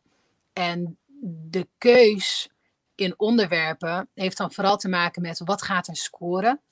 Uh, wat is er op dit moment hot and happening? En hou daarbij rekening dat er vaak maar één bron gebruikt wordt. Dus in de meeste nieuwsredacties waar ik heb gewerkt, is dat dan ANP. Dus daar worden allerlei onderwerpen verzameld en uit ANP wordt dan, uh, uh, worden dan onderwerpen gekozen. En natuurlijk zijn er ook weet je, mailtjes die, die we ontvangen op de redacties of mensen die zelf contact opnemen. Maar um, heel veel dingen komen uit ANP. Dus het is al best wel gekaderd. En dan worden er ook nog eens onderwerpen geselecteerd die heel vaak gewoon negatief zijn. Want negativiteit verkoopt, wordt doorgestuurd. Uh, hoe meer kliks, hoe meer viewers, hoe meer geld. Um, en 9 van de 10 items die je dus op een, op een uh, nieuwsuitzending ziet voorbij komen, zijn gewoon negatief beladen. Dus uh, ik noem even een heel stom voorbeeld. Een, uh, een auto rijdt de sloot in. Uh, dat is dan nieuws. Maar als het verhaal bijvoorbeeld is dat iemand die op een fiets zat ineens van zijn fiets sprong en het water indook en de deur heeft opengedaan en die bestuurder en de hond uit de auto heeft gehaald en ze zijn aan de kant gelegd en iedereen leeft en geweldig en dit is een held. Hoe vaak zie je dat soort verhalen? Terwijl dat soort verhalen er wel gewoon zijn. Wij krijgen zeg maar het dramatische gedeelte mee van dit is er gebeurd. Terwijl uh, soms lopen dingen ook gewoon heel goed af. maar dat zie je niet. Soms zijn dingen gewoon minder erg dan dat we het vertellen, want het wordt heel erg aangezet. Maar ja, dat weet je als kijker natuurlijk niet. Dus je wordt daarin gewoon heel erg um, uh, geprogrammeerd om de wereld te zien op een negatieve manier. Alsof er alleen maar negatieve dingen plaatsvinden. Er vinden ook heel veel mooie dingen plaats. Um, die onderwerpen krijgen we ook heel vaak gewoon doorgestuurd. Um, die zijn ook gewoon te vinden, maar die worden gewoon niet geproduceerd. En dat is gewoon omdat een, een, een mediakanaal is gewoon een bedrijf en een bedrijf heeft belangen. En het belang is niet per se om jou een goed gevoel te geven nadat jij een nieuwsuitzending hebt bekeken. Is, is dat al bij het ANP zo dat ze daar ook al uh, een soort negatief frame om een bepaalde gebeurtenis uh, hebben gemaakt en dat jullie dat overnemen? Of is dat, is dat toch wat objectiever uh, opgeschreven? nou, durf ik je niet te zeggen. Ik wil daar geen uitspraak over doen, omdat ik daarmee zeg dat ANP op een bepaalde manier is. Maar het is meer dat heel veel redacties um, dat als bron gebruiken. Dus dat is eigenlijk een van de eerste dingen die uh, een redacteur doet. ANP. Gaat kijken wat staat er allemaal op ANP. En daar wordt dan een selectie uitgemaakt. Van oké, dit vinden we interessant, dat vinden we interessant. Op ANP staan ook wel heel veel, heel veel dingen die gewoon niet op nieuwsuitzendingen komen. Dus ook heel veel positieve dingen die er staan. Um, maar goed, het blijft natuurlijk uh, uh, de verantwoordelijkheid van, van een hoofdredacteur binnen een bepaald bedrijf binnen een bepaald mediakanaal wat er gekozen wordt, wat er uitgezonden wordt. En uh, zij zeggen dan vaak ook van ja, we kiezen de dingen die passen het beste bij ons doelgroep. En uh, nou ja, op basis van de ervaring die we al hebben gehad. En wij weten beter wat wel scoort en wat niet scoort. Dus ik heb daarin heel vaak ook gewoon weerstand gevoeld van nou, gevoeld, gekregen. Dat wanneer uh, je bepaalde onderwerpen aankaart van hé, hey, dit lijkt mij een inspirerend verhaal, laten we dit doen. Dat het dan ook gewoon zonder pardon van tafel wordt geveegd. En je, en je zei ook, uh, want je hebt natuurlijk heel veel mensen die zijn uh, heel erg tegen de NOS en die zijn heel erg, uh, die hebben heel veel kritiek erop ook en zo. Maar jij zei iets van, ja, als je dus, en volgens mij had jij dat ook, toen jij uh, met dat nieuws bezig was, dat je, hoe heet dat, het cortisol wordt dan aangemaakt, stresshormoon. Dus, ja. je, dus ook jij als presentator krijgt dat stresshormoon de hele tijd. Want je, je zit daar de hele dag in natuurlijk. Ja. Dus je kan ook niet verwachten van mensen van de NOS bijvoorbeeld, dat die opeens een ander deuntje gaan eh, zingen. Want, uh, want die zitten gewoon vol in de stress, gewoon door hun werk. Ja. Ja, en ik denk dat dat wel een interessant gegeven is om, om, om echt in je achterhoofd te houden. Want heel veel mensen onderschatten dat. En ik heb dat ook heel lang niet gezien als, als presentator. Want toen ik zeg maar weerstand voelde uh, voor het nieuws en het werk dat ik deed, uh, ging ik mijn eigen manieren zoeken om ermee om te gaan. Dus ik had zoiets van, nou, ik kom aan op mijn werk uh, en de onderwerpen die we gaan bespreken, ik ga daar gewoon geen research over doen. Ik krijg de presentatieteksten aan. Nou, dat zijn dan een paar zinnen. Die lees ik. Op zender lees ik ze voor en that's it. Maar het is zo dat echt bij elk ding uh, wat negatief is, al is het een gesprek uh, al is het iets wat je hoort op de radio, op het moment dat jij iets waarneemt wat negatief is, of dat nou via je ogen is, via je oren of wat dan ook, je lichaam reageert met cortisol, met stresshormonen. Dat is gewoon een natuurlijke reactie. Dus ook als iemand zit te roddelen over een ander, of je vriend zit te klagen, dan je lichaam maakt cortisol aan. Het maakt stresshormonen aan. En dat is wat mensen heel vaak onderschatten ook met, met, met de overtuiging van, nou weet je, ik, ik, ik, ik kan er wel gewoon mee omgaan. Ik, ik, uh, ik uh, uh, hoor gewoon mijn klagende vriend aan en daarna geef ik een advies en that's it. Ehm, en dat is natuurlijk heel mooi, maar je lichaam maakt wel die stresshormonen aan en die stresshormonen gaan er ook niet zomaar uit. Die zitten in je lichaam en pas wanneer jij actief daarmee aan de slag gaat, dus laten we zeggen sporten of meditatie, dan pas maakt je lichaam weer andere hormonen aan. Dus het lijkt heel onschuldig, een klaaggesprek, een negatief gesprek of een negatieve nieuwsuitzending, maar dat is het niet. Het heeft direct invloed op je gezondheid en op je onderbewustzijn. Want die informatie, want daarvan heb ik ook nog een paar mensen die dan zeggen van nou Senna, ik weet het, uh, wat, wat we op het nieuws zien is niet altijd echt of is niet altijd objectief of wordt negatief aangedikt, maar ik kijk daar doorheen. Sommigen zeggen dat. ik kijk daar doorheen. Ik neem niet alles op. Ah, ja. Ehm, ik snap wat ze daarmee bedoelen. Van, nou, ja, weet je, je neemt alles misschien met een korreltje zout. Of weet je, je probeert zelf nog objectief te blijven. Ik ben met je, dat, dat geloof ik ook. Maar dan nog, als we kijken naar het effect. Alle informatie die je waarneemt gaat rechtstreeks naar je onderbewustzijn. En je onderbewustzijn kan heel veel, maar het kan één ding niet. Het kan niet echt van nep onderscheiden. Dus alles wat jij waarneemt is waar voor jouw onderbewustzijn, is waarheid, is echt. Dus ehm, je kan daarin niet bewust een onderscheid gaan maken, want het zit op onbewust niveau. Ja, nou, dat is met tv kijken heel subtiel. Hè? Ik heb een keer een, ehm, een documentaire gezien, uh, jaren geleden, waarin ook geschetst werd wanneer jij dus tv kijkt. Uh, en ook al kijk je gewoon alleen maar uh, iets gewoon voor de gezelligheid, dus met, met, met weinig aandacht. Je, wordt, uh, je, komt in een bepaalde frequentie terecht, waarin je dus ja, eigenlijk jezelf, ja, dat onderbewuste waar jij het over hebt, dat, dat wordt heel erg um, ja, geprogrammeerd op dat moment. Terwijl je eigenlijk zoiets van, nou, ik kijk gewoon een beetje onbewust, gewoon even een filmpje voor de gezelligheid. Maar er gebeurt van alles. Je wordt als, als een idioot, word je, word je gewoon ja, uh, geprogrammeerd. En dat, dat lijkt heel onschuldig, maar het, vormt, het, het zorgt wel voor, voor jouw kijk op naar de wereld, hè? Ja, absoluut. En ja, je wordt echt geprogrammeerd. Het heet ook niet voor niks een programma, hè? Het heet een programma, want je ja. wordt geprogrammeerd. En het tekent inderdaad hoe je denkt um, en hoe je je voelt en hoe je handelt, hoe je naar de wereld kijkt. Het bepaalt alles. En het lijkt heel vaak onschuldig. Ik keek bijvoorbeeld een documentaire, ik kreeg dat doorgestuurd ja, ik laat de naam er even buiten, maar het was een, een, een serie met verschillende titels, of met verschillende onderwerpen. En um, in een van die uh, uh, onderdelen ging het over uh, kinderen die dan kinderen die ontvoerd worden en die dan gebruikt worden voor um, satanistische offerings.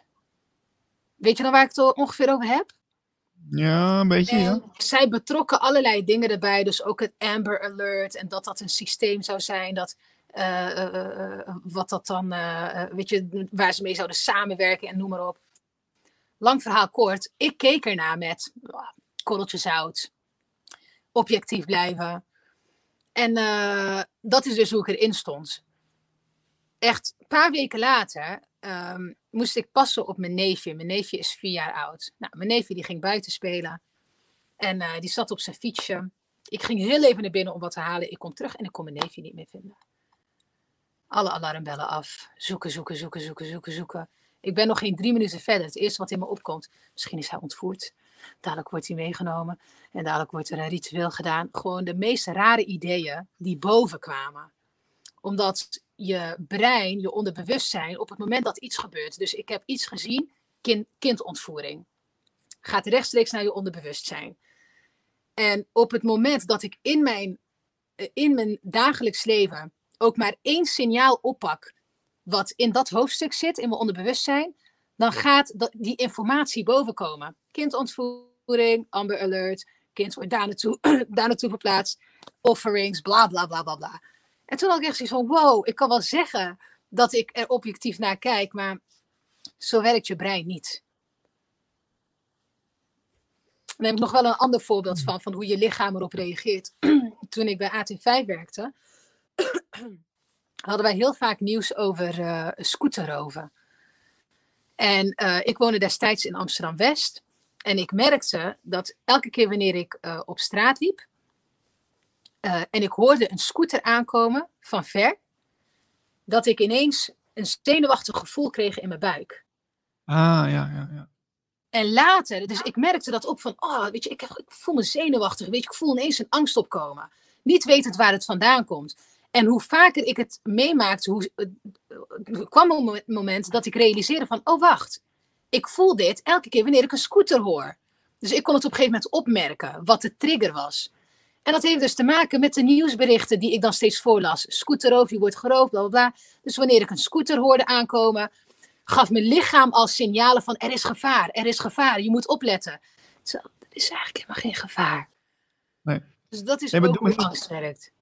Klopt, het doet me heel erg denken aan, uh, dan komen we toch terug op de tv. ik zag laatst een heel interessant eh, interview met Elze van Hamelen, met een, een dame die heeft jarenlang eh, op Wall Street gewerkt. En zij was zich heel erg bewust van het feit dat er heel veel van die, van die verborgen berichten zitten in reclames en zo. Hè? En ook in films en eigenlijk in, in heel veel tv-programma's en zo. zij, zij, was, zij was op de hoogte van dat, van dat, um, van dat feit dat je dus ehm, dat, dat, er, dat er een bepaalde mind control uh, uh, bezig is. Maar dat, dat gaat op, op, op hele vele, op, verschillende lagen wordt dat ingezet. En zij was ook op een gegeven moment was die vrouw een keer bij een, uh, bij een presentatie. En ze wist dat die man ja, een beetje foute dingen deed. En dat hij, dat hij ja, een beetje een loesje figuur was en, en niet, niet oprecht. En, en ze zag de hele zaal zitten en die waren ontzettend enthousiast van wat die man aan het vertellen was bij die presentatie.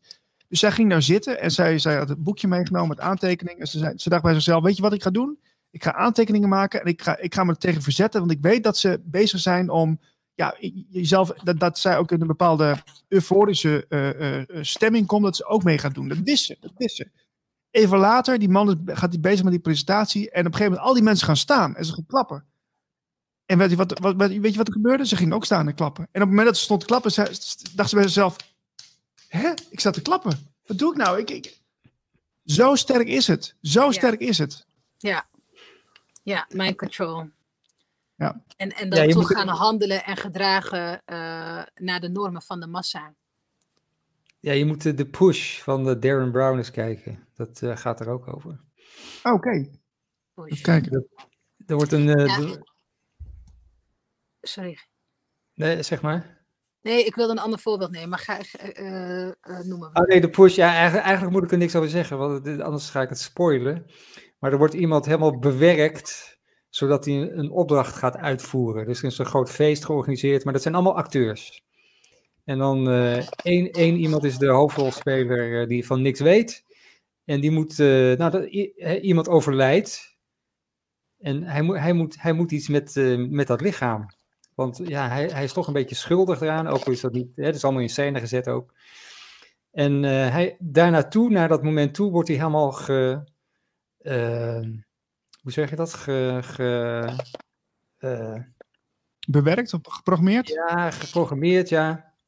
Met allemaal kleine dingetjes. Dus hij, hij, hij komt dan geloof ik voor de catering. En uh, ja, we hebben vegetarische hapjes, vegetarische hapjes. Dus hij is een beetje in de keuken bezig. Maar die kok zegt, ja, er zit hier, ja, er zit wel een beetje vlees in, maar goed, dat moet je maar niet zeggen en uh, zo. En, dan, en hij gaat er helemaal in mee. Dus hij, hij constant hele kleine stapjes dat hij steeds uh, meegaat in, ja, in het verhaal eigenlijk. Ja. Um, om uiteindelijk de push te doen. En dat is iemand van het dak gooien, letterlijk. Van het, van het dak duwen. Uh, en je ziet helemaal, ik weet niet hoe lang het duurt, een uur, anderhalf uur, zie je gewoon hoe iemand daar helemaal, uh, ja, in, ja, zo wordt bewerkt dat hij dat inderdaad wel of niet doet. Dat is dan, ja. Hmm. dat is dan de premise, maar ja. Ja, bizar. Uh, Marlijn, zijn er al uh, berichten binnengekomen? Want er zijn mensen die, die natuurlijk op de chat zitten bij ons uh, op YouTube. kun je dat zien? ja, nou, we hebben één bericht van Yo, goeiedag allemaal. Dat is van, van Jan. Ja, Jan is een hond, zie ik. Dus oh. het is een heel... Oké. Ik wou even vragen aan, aan Senna, want ehm, we zien jou daar zitten. Wat is dat voor ruimte en wat doe je daar? Want ik zie allemaal matrassen ook. Dus, uh... um, dit is een ruimte waarin ik mensen uh, samenbreng. Uh, al mijn cliënten um, voor meditaties, voor yoga, voor ceremonies met plantmedicijnen, voor coachingsgesprekken, voor volle maancirkels. Dus er gebeurt hier van alles. Jij bent uh, ook yoga-docenten, uh, hè? En jij geeft dus Afrikaanse yoga. Wat, wat is daar zo bijzonder aan? Um, nou, dat het een hele oude vorm van yoga is. Uh, Oud-Egyptisch. En nou ja, het is, het is yoga en het blijft yoga, weet je. Dus je kent yoga, lichaamsoefeningen, ademhalingsoefeningen, meditaties. Maar um, ik heb zelf gewoon iets meer met Afrika, daar kom ik ook vandaan. En ik heb sowieso iets met Egypte. En heel veel oefeningen die je doet, hebben te maken met ehm, de alignments van bepaalde punten in je lichaam. En refereren naar bepaalde Egyptische deities, die ook weer staan voor bepaalde energieën. Dus dat is het, wat het anders maakt ten opzichte van andere systemen. Oké, oké. Maar als je bijvoorbeeld kijkt naar yoga uit India, um, dat is gebaseerd op dit systeem. Want dit systeem, of laat ik zeggen yoga in India, uh, eerste vorm wat dan in India is ontstaan, uh, werd doorgegeven door de Dravidians. En de Dravidians die, um, die komen uit uh, Ethiopië. Ik switch heel vaak naar het Engels, omdat ik dit soort dingen normaal in het Engels bespreek. Maar uh, zij komen dus uit Ethiopië en zij hebben hun, hun cultuur, hun taal, hun, hun, yoga practice, de meditatie, tantra, hadden ze allemaal meegenomen en die beoefenden zij daar ook. Um, en dat hebben ze daar doorgegeven in India. Dus heel veel oefeningen komen ook wel overeen, maar het zijn gewoon bepaalde uh, principes, bepaalde houdingen, de namen um, en de aanpak waarin het heel erg kan verschillen. Oké, uh, we hebben het eigenlijk nog niet, niet, niet zozeer gehad over uh, hallucinerende middelen, die jij ook wel eens doet. Ja, ayahuasca is wel even voorbij gekomen, maar um, wat zijn na, naast ayahuasca nog meer ehm, middelen die jij wel eens gebruikt of inzet? Mijn favoriet is mushrooms. ik moet zeggen psilocybin. Um, ik, heb, ik heb ervaring met San Pedro, DMT, Um, ja, zo nog wel wat middelen, maar psilocybin is echt mijn favoriet. Ayahuasca heb ik een aantal keer gedaan, maar die vind ik heel hard. Um, en fysiek best wel pittig. En met mushrooms merk ik dat ik wel diep kan gaan en die reis kan maken zonder dat ik fysiek te veel ongemak heb. Oké, dus mushrooms zorgen wel voor dat je in een ander uh, bewustzijnsstaat komt. Maar heb je minder, uh, minder ongemakken van? Ja. Ja. Met uh, psilocybin heb ik ook echt wel um, heel veel lagen van mezelf kunnen pellen. En heb ik heel veel dingen onder ogen kunnen zien waarvan ik helemaal niet wist dat het er zat. dus heel veel onbewuste patronen. Um, psilocybin heeft me ook heel dicht bij religie gebracht, omdat dingen die ik jarenlang las en uit boeken probeerde te halen, ik nu ineens beter ging begrijpen. Het, het sparkelde gewoon een, een inner wisdom, een inner knowing. En daardoor viel het kwartje van heel veel dingen. Oh, dit is wat ze eigenlijk bedoelen. Dus ja, met, ik heb het idee dat met psilocybin bereiken een soort van staat waarin je jezelf heel erg kan helen, waarin je jezelf beter kan leren kennen. Maar je maakt ook steeds meer contact met de inner genius. We hebben allemaal een inner genius met heel veel wijsheid. Um, maar bij velen van ons zit hij gewoon heel diep verstopt. En met plantmedicijnen als psilocybin uh, kan ik daar gewoon heel goed contact mee maken. En, en informatie downloaden over mezelf, over anderen, over de wereld, over het bestaan. Dus uh, een uh, avondje psilocybin uh, staat gelijk aan nou, misschien 60 boeken. Maar dan heb ik dat in één avond gevoeld. En is de kunst wow. nog om het te onthouden. Even, ik ben, ben, ja, ik ben er best wel onbekend in nog, in dit soort thematiek. Maar psilocybin, wat is dat precies? Kun je dat wat meer uitleggen? Psilocybin is, een, is de actieve ingrediënt wat je in truffels en in magic mushrooms hebt. Psilocybine. Okay. Uh, psilocybine, wanneer je dat consumeert, dat zit dus in truffels of, of in andere um, uh, soorten mushrooms. Um, op het moment dat je dat consumeert, dan wordt er meer DMT aangemaakt door je pijnappelklier. En DMT is een, een, een natuurlijk hormoon, altijd al aanwezig in je lichaam. dat wordt heel erg aangemaakt wanneer je bijvoorbeeld droomt, wanneer je net geboren wordt, wanneer je overlijdt, wanneer je mediteert. Um, het zit in alles wat leeft. Dus in mensen, in dieren, in planten. En het wordt gezien als een soort van spiritueel molecuul. En op het moment dat je uh, plantmedicijnen neemt, uh, psilocybine, dan wordt er dus meer DMT aangemaakt in je lichaam. Je, noemde net al eventjes de, de pijnappelklier. Uh, heel belangrijk uh, als, je, als je daarvan bewust bent in elk geval. Maar hoe, hoe zorg je ervoor dat de pijnappelklier gezond blijft bij jou? Mediteren.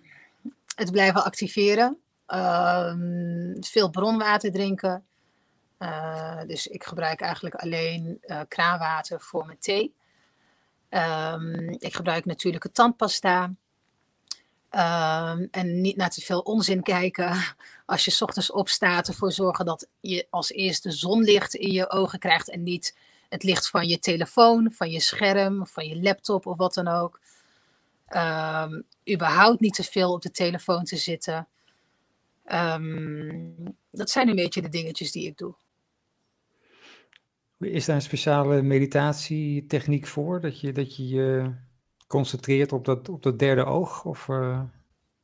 nou, ik heb eigenlijk met heel veel meditaties dat je je wel concentreert op je derde oog. Bijvoorbeeld met, met yoga die ik doe, uh, zijn bijna alle oefeningen uh, dat je je ogen naar boven gerold hebt en hier naartoe draait. natuurlijk zijn er wel bepaalde oefeningen waar je heel bewust juist naar beneden kijkt of heel bewust naar boven. Maar veel oefeningen in, in yoga zijn echt met de ogen dicht en naar boven gerold. Dat je daarmee gewoon wat beter contact maakt met je intuïtie en je lichaamsbewustzijn kan vergroten. Je hebt meer focus. Um, dus ja, ik gebruik het eigenlijk best wel veel op die manier. Oké, dus je, kijkt dan ook echt met je, met je ogen naar dat punt van je, waar, waar je pijn op ja, dus of waar je... eigenlijk gewoon wanneer je ogen dicht hebt, ook wanneer je gaat slapen, dan rollen je ogen eigenlijk automatisch toe naar, naar dit punt.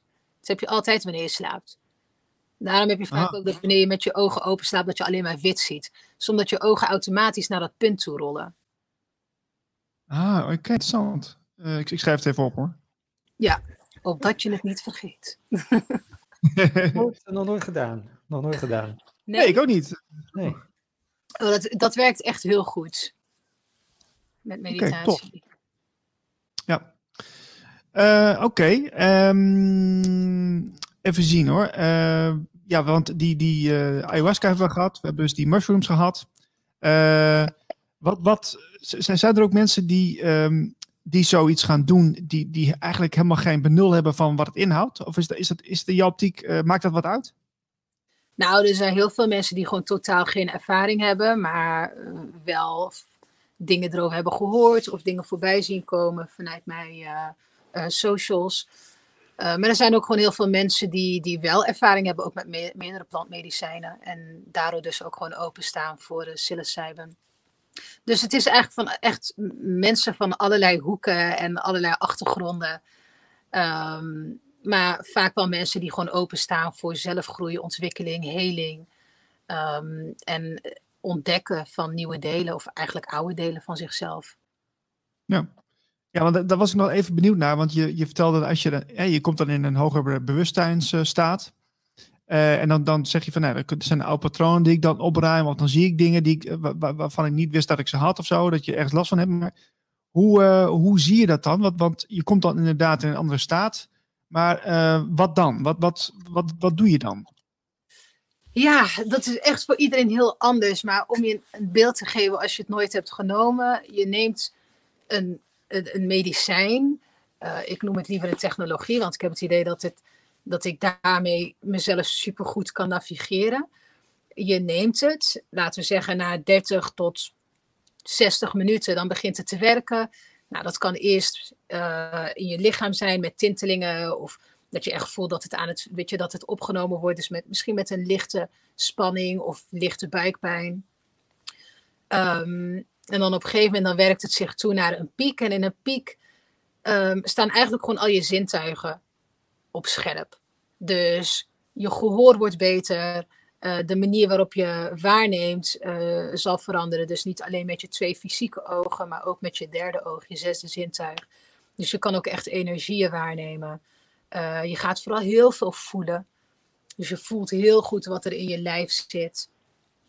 mensen kunnen daardoor beter bij delen komen in een lichaam waar heel veel blokkades zitten. Nou, en het is gewoon een combinatie van jezelf overgeven aan de lessen die het brengt.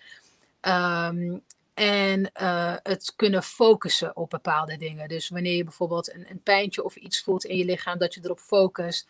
En ja, daar kan je dan gewoon informatie over krijgen. Dat kan in gevoel zijn, dat kan in gedachten zijn, dat kan in kleuren zijn, in beelden, uh, in geluid. Het kan op allerlei manieren. Voor iedereen is het anders, want iedereen heeft, uh, neemt ook waar op een hele andere manier. Sommigen zijn wat meer visueel ingesteld, anderen zijn meer een gevoelsmens.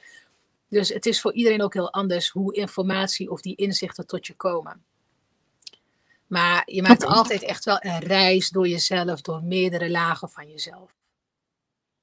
Interessant, interessant. Marlijn, je hebt een, een, een mooie afbeelding uh, op het scherm getoverd. Uh, wat zien Ja, nou dat moet je eigenlijk niet aan mij vragen. Oh. Maar uh, ik dacht... dit heet Sema Tawi. En uh, ik, uh, ik uh, hoopte eigenlijk dat Senna hier iets over kon zeggen. Want is, kijk, je ziet, je ziet af en toe wel eens van die Egyptische afbeeldingen voorbij komen. En dan denk je van, ja, leuk. wat stelt het nou eigenlijk voor? maar jij gebruikte dit in een presentatie van je. Klopt. Dus, en er is, ja, er is heel veel op te zien. En je had het over het ego ook, wat ja. er mee te maken heeft. Dus... Ja, wat, wat, wat zien we hier, hier zit eigenlijk super veel symboliek in. Uh, Sematawi is uh, de unification, de verbinding van twee landen vertaald. Dat is wat het betekent. En dat is ook hoe je Oud-Afrikaanse yoga noemt. Egyptische yoga, Oud-Egyptische yoga. En wat we hier zien is eigenlijk twee opposites uh, twee tegenpolen. Die uh, met iets in hun handen zeg maar aan het trekken zijn. Je ziet tussenin een middenpiller. En het heeft eigenlijk te maken met het balans zoeken. Um, en dat er dus altijd twee tegenpolen zijn. Mensen van nature leven in dualiteit. in het diffuse denken. Jij, ik. Um, uh, weet je wel, je ego, je hart, ha, hard, zacht, koud, warm, goed, slecht. Dat, de visie denken, dat doen we heel erg vanuit de ego. Um, en dat is een onderdeel van jezelf. Je ego um, heeft vaak ook heel veel, of bij heel veel mensen, zeker in 3D, is de ego super actief. En je ego is eigenlijk de identiteit die je jezelf hebt gegeven op basis van wat jij denkt dat andere mensen van jou vinden en van jou verwachten. Dus je kan de ego zien als een soort van sociaal masker. Een persona die je hebt gecreëerd. Maar los van je ego heb je ook je ziels-ik, je, je, je, je echte ik. En in je dagelijks leven heb je eigenlijk altijd een, een soort van gevecht tussen die twee. Sommigen noemen het gevecht, ik noem het liever een dans. Want een gevecht, wanneer je een gevecht ingaat, dan wil je Winnen natuurlijk. Winnen, precies. Maar in dit geval, eh, het gaat niet om het winnen of verliezen, want dan ga je weer divisie denken. Je wil eigenlijk dat er een balans is. Dus ik noem het liever een dans. Dus uh, je hebt je, je duistere kant, je hebt je lichte kant. En je wil dat die twee goed met elkaar overweg kunnen, waardoor je continu in het midden bent. Waardoor je zelf continu in balans bent. En dat is waar yoga voor staat. Het balanceren van je mannelijke en je vrouwelijke energie. Um, om niet te veel in je hoofd te zitten, maar ook wat meer in je lichaam te gronden. Uh, om beslissingen niet te veel te rationaliseren of vanuit je hoofd te doen, maar echt vanuit je hart te leven. Dus het, het, gaat allemaal om die balans in jezelf creëren. En dat is eigenlijk, en er zitten nog veel meer symbolen hierin, maar dat is wat dit aangeeft. Mooi. Ja, ja ik, ik zit nog met een, met een, met een vraag die, ik, uh, die, die komt zomaar op. Die zegt van, uh, uh, ja, want we zitten natuurlijk in een best wel bijzondere tijd. dat merk je ook wel aan alles. hoe, ga, hoe ga je nou om met al die verschillende mensen? Kijk, iedereen, iedereen zit in een bepaalde bewustzijnslaag. Iedereen kijkt weer anders naar de wereld. Dat is, dat is, het is echt zo gigantisch groot hoe, hoe, mensen, hoe ver mensen uit elkaar kunnen liggen op dit moment. Hoe, hoe voel jij aan waar iemand zit? Hoe heb je daar trucjes voor dat je zegt van oké, die zit ongeveer daar met zijn, met zijn beleving. Dan moet ik dit en dit zeggen. Hoe, hoe ga je daarmee om? Nou, ik, ik probeer dat niet te veel te doen, want dat is heel erg. Um, oordelen. Uh, iemand proberen te beoordelen. En het gevaar daarin is dat je ook soms kunt projecteren op mensen. Dus in hoeverre zie ik iemand echt aan voor wat, wat iemand is? En in hoeverre projecteer ik dat wat ik denk op iemand en maak ik diegene wat diegene misschien helemaal niet is? Dus ah. Ehm, ik probeer gewoon heel erg af te tasten. En je voelt zelf vaak wel of je bepaalde gesprekken wel of niet kan voeren met iemand. Maar dat betekent niet dat iemand minder, uh, minder is dan mij of meer. Of dat iemand verder is in zijn ontwikkelingsproces of minder. Snap je? Want uh, je kan bijvoorbeeld in bepaalde onderwerpen misschien heel erg 5D zitten, maar in hele andere thema's en onderwerpen weer op 3D. Er zijn heel veel dingen die ik ook kan leren waar ik misschien nog in 3D zit. En ik geloof dat iedereen die je ontmoet, weet je, iedereen is een spiegel van jezelf. Dus iedereen komt je ook wat geven, wat brengen, wat leren. Uh, iemand laat je ook wat inzien. Als jij bijvoorbeeld in gesprek bent met iemand en je wordt continu getriggerd, ja, dat is jouw emotie. Het is jouw pijn wat er zit. Dat is niet wat diegene jou geeft. Diegene die weet gewoon net een knopje in te drukken waardoor dat in jou geactiveerd wordt. Dus dan is de vraag, waarom reageer jij zo op die persoon? Of waarom voel jij je zo bij die persoon? Dat zijn hele interessante dingen. Om, om, om dat dan ook aan te nemen als, als een soort van sleutel. Of als een soort van signaal om dan weer uh, te sleutelen aan jezelf. Om weer te werken aan jezelf. In principe zou, zouden mensen, althans zo zie ik het, wanneer iemand je triggert. Um, en je krijgt een bepaald negatief gevoel, is dat gewoon jouw pijn, jouw oud leed, een of andere trauma wat jij hebt, wat nog niet verwerkt is. En wanneer iemand jou heel erg inspireert en je krijgt een heel fijn gevoel, dan is dat vaak ook een signaal van iets waar je naar opkijkt, iets wat je heel graag zou willen of iets wat jou simpelweg heel goed laat voelen omdat je dat bij de ander ziet. En dat is vaak hetzelfde gevoel. Ja, en, en dat, dan wat ik. Ja, nee, ik, ik onderschrijf helemaal wat je zegt. Hè. Um, ik heb er dus ook wel eens dat ik getriggerd word door iemand die, uh, die vaak is het een, ja, van het perspectief is dat een 3D-onderwerp waar het, waar het dan over gaat, maar ik word getriggerd en um, dan kan ik niet altijd snel, uh, het is niet altijd snel duidelijk voor mij uh, wat het dan is. Hè? Want de, wat, wat het is, zo werkt het voor mij niet. Soms denk ik echt van, ja, maar wat was het nou dan precies? Ja. Hoe, hoe, hoe, hoe kun je erachter komen? Maar vraag je jezelf dat dan ook af op dat moment? Uh, nee. Dus ik ben niet, ik, ik ben, ik, ja, daarom, dat, dat is op het moment dat je iets voelt, in plaats van dat we dan meteen schieten in reageren op de persoon, is het goed om even een stapje terug te nemen, stilte op te zoeken en jezelf af te vragen van oké, wat voel ik en waarom voel ik dit? Ik zie dat heel vaak bij mensen om me heen uh, die dan echt discussies aangaan en gesprekken aangaan over corona. Of over de oh vaccinatie. En dan zie ik echt dat de ene super gefrustreerd wordt, omdat de ander gevaccineerd is. Of daar helemaal achter staat. En dat triggert diegene dan. Want ja, diegene is niet gevaccineerd en die, die heeft daar allemaal overtuigingen bij. En uh, in, in de kern zit daar vaak. Uh, weet je, dat, dat kan natuurlijk van alles zijn. Dat, je, dat jij een bepaalde overtuiging hebt. Uh, maar stiekem dus ook dat jij vindt dat de ander diezelfde overtuiging moet hebben. Nou, daar ga je al de mist in.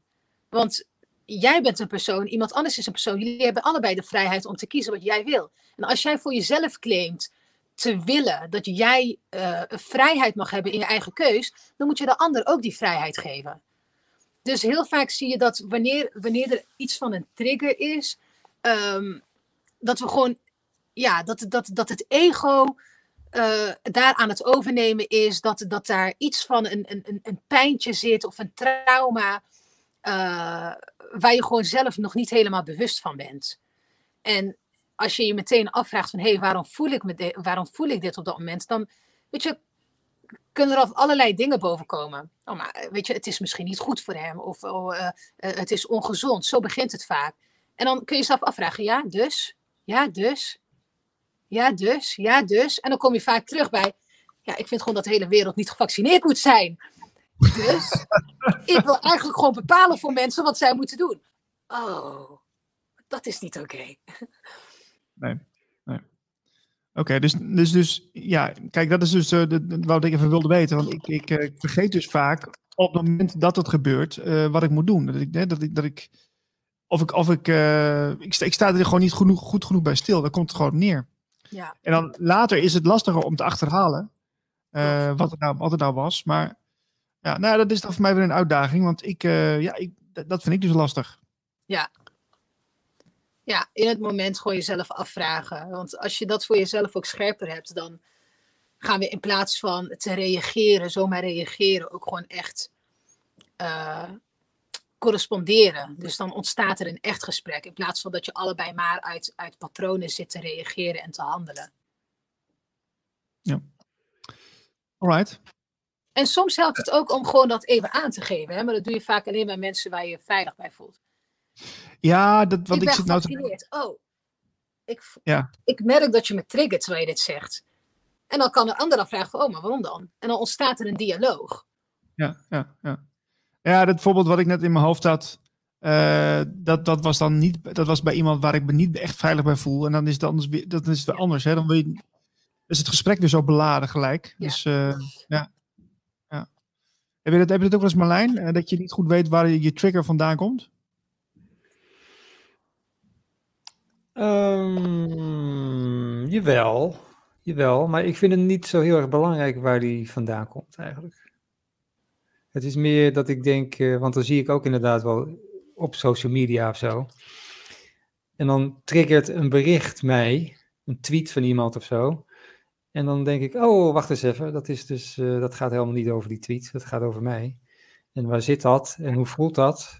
En dan, dan is het eigenlijk al goed. Hmm. Dus ik ga niet heel erg op zoek. Misschien zou ik dat wat meer moeten doen, misschien. Maar wa- waar het vandaan komt. Maar ehm, Ja, en weet je, als we zeggen waar het vandaan komt, dan klinkt het meteen alsof je helemaal, weet je, teruggaat naar het verleden en al, weet je, eh, alles zit. Dat is het niet zozeer. Het is eigenlijk eh, gewoon meer dat je voelt waar je gevoel, vanuit welke plek het komt. Komt het vanuit een plek van onzekerheid of komt het vanuit een plek van eh, beoordeling of komt het vanuit een plek dat je controle wil hebben? Meer dat je voelt van oké, daar komt het vandaan. Niet zozeer van oh ja, maar omdat toen ik drie was, toen gebeurde er dit als peuter en dat bedoel ik niet. Maar meer vanuit, weet je, waar komt het vandaan?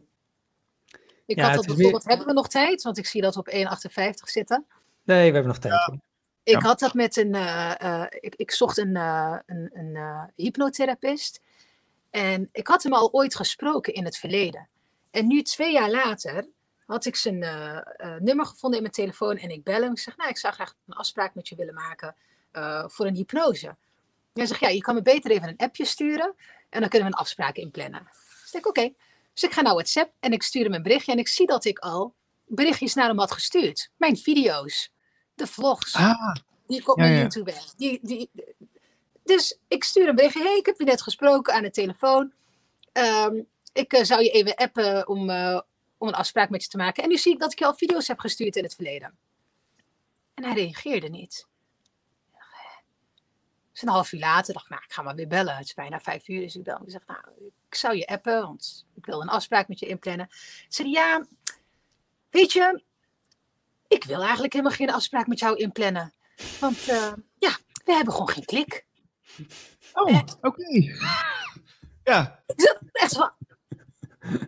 Oké. wauw. Ja. En ik hang op, maar hé, hoe ik me voelde, dat was niet. Ik voelde me echt niet chill. Ik dacht echt van. In mijn hoofd was echt van: wat de fuck? En wat zegt hij me nou? En hoe kan je dat nou zeggen? En je kent mij niet eens. En heel erg gaan verdedigen van. En dat kan Ja. je niet doen. En ik zit echt totaal verbijsterd. Leg ik die telefoon neer en ik bleef maar voor me uitstaan. Ik denk, wat de fuck is dit nou? En maar waar- waarom voel ik me nu ook zo dan? Weet je, oké, en als hij geen klik voelt, dan wat? Weet je, hoe erg is dat? En toen merkte ik steeds meer van, oh, ja, nee, maar ergens heb ik dan toch van, ja, je, je kent me niet, dus ik voel me beoordeeld. Ehm, eh, nou, misschien wil ik wel gewoon gemogen worden eh, door iedereen het liefst. Weet je wel, in plaats van dat mensen me niet mogen. Zeker als je me eigenlijk niet eens kent. Maar goed. Dus ik ging daar heel erg over, ehm, weet je, echt bij mezelf naar van waar komt dit gevoel nou vandaan? Van wat ik nu voel. En pas toen ik dat ruimte kon geven, ruimte kon geven aan dat gevoel, eh, wat niet zo heel chill was, toen pas kon ik komen, en dat duurde echt wel een paar minuten. Toen pas kon ik komen bij respect en waardering voor wat hij heeft gedaan. Dat ik echt naar hem opkeek en dacht van, ik vind jou zo fucking stoer. Dat jij gewoon zelf kiest hoe jij je tijd besteedt en met wie. En wanneer jij iemand niet voelt, om wat voor reden dan ook, dat je ook gewoon zegt: Ik voel het niet. We hebben geen klik. Ik ga jou niet helpen. In plaats van een of andere rotsmoes. Ik zit vol of wat dan ook. Ik heb een wachtlijst. Want dat gebeurt ook heel vaak. Hè? Nee, hij had gewoon de ballen om het precies te zeggen zoals het was. Ik voel geen klik met jou. Dus ik ga mijn tijd niet aan jou besteden. Ja, had hij wel even wat eerder mogen zeggen dan? En niet uh, wachten tot jij drie keer uh, contact opneemt. Ja. maar, uh... ja. maar met zo'n zo sessie, zo'n hypno-sessie, is natuurlijk wel iets anders dan, dan, dan dat je ergens aan de kassa werkt. Hè? Dat snap ik ook wel weer. Ja. ja dus, maar goed, dat is niet. Ja, ik goed, dat van, weet je, je had het gewoon kunnen doen voor het geld.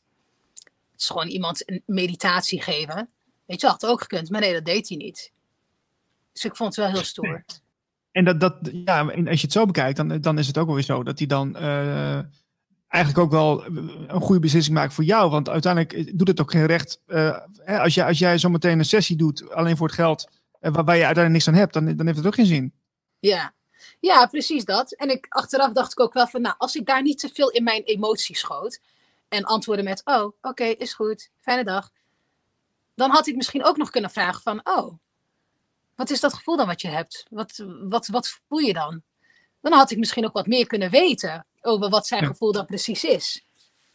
En dan had ik misschien ook wat meer kunnen leren over hoe hij naar mij kijkt en wat daarin misschien mijn aandeel is geweest. Ja. ja gemiste kans eigenlijk, want je, ja, maar goed, ja, dat schiet je dan inderdaad in die, uh, in die trigger of in die, in die stress. Ik emotie wel. Ja, ja, ja. ja. Oké, okay, en ik wil het zo snel mogelijk op. Ik denk, oké. Okay. Ja, Senna, we, kunnen nog, we kunnen nog een uur doorpraten, denk ik. Um, ik vond het heel leuk dat je bij ons was. Ja, dankjewel voor je uitnodiging. Ik vond het ook heel leuk. En uh, luister vooral uh, als wij het eenmaal staan naar Radio Gletscher. Dat is het echt het enige station waar je nog uh, terecht kunt straks. Ja, precies. Nou ja, hopelijk komen er wel meer. Maar goed dat jullie al beginnen. Zo is het. Um, voor de mensen die kijken, we zijn de volgende week zijn we er weer, hè Marlijn? Ik denk het wel. En uh, er worden nog fragmentjes geplaatst. En de uitzending is ook terug te kijken op YouTube en op onze website radioglacier.nl. Uh, wanneer je nog uh, suggesties hebt als luisteraar of betrokken wil zijn bij Radio Glacier, stuur even een mailtje naar info.radioglacier.nl. En ik wens iedereen nog een hele fijne dag en tot volgende week. Bye bye. Doei. Ciao.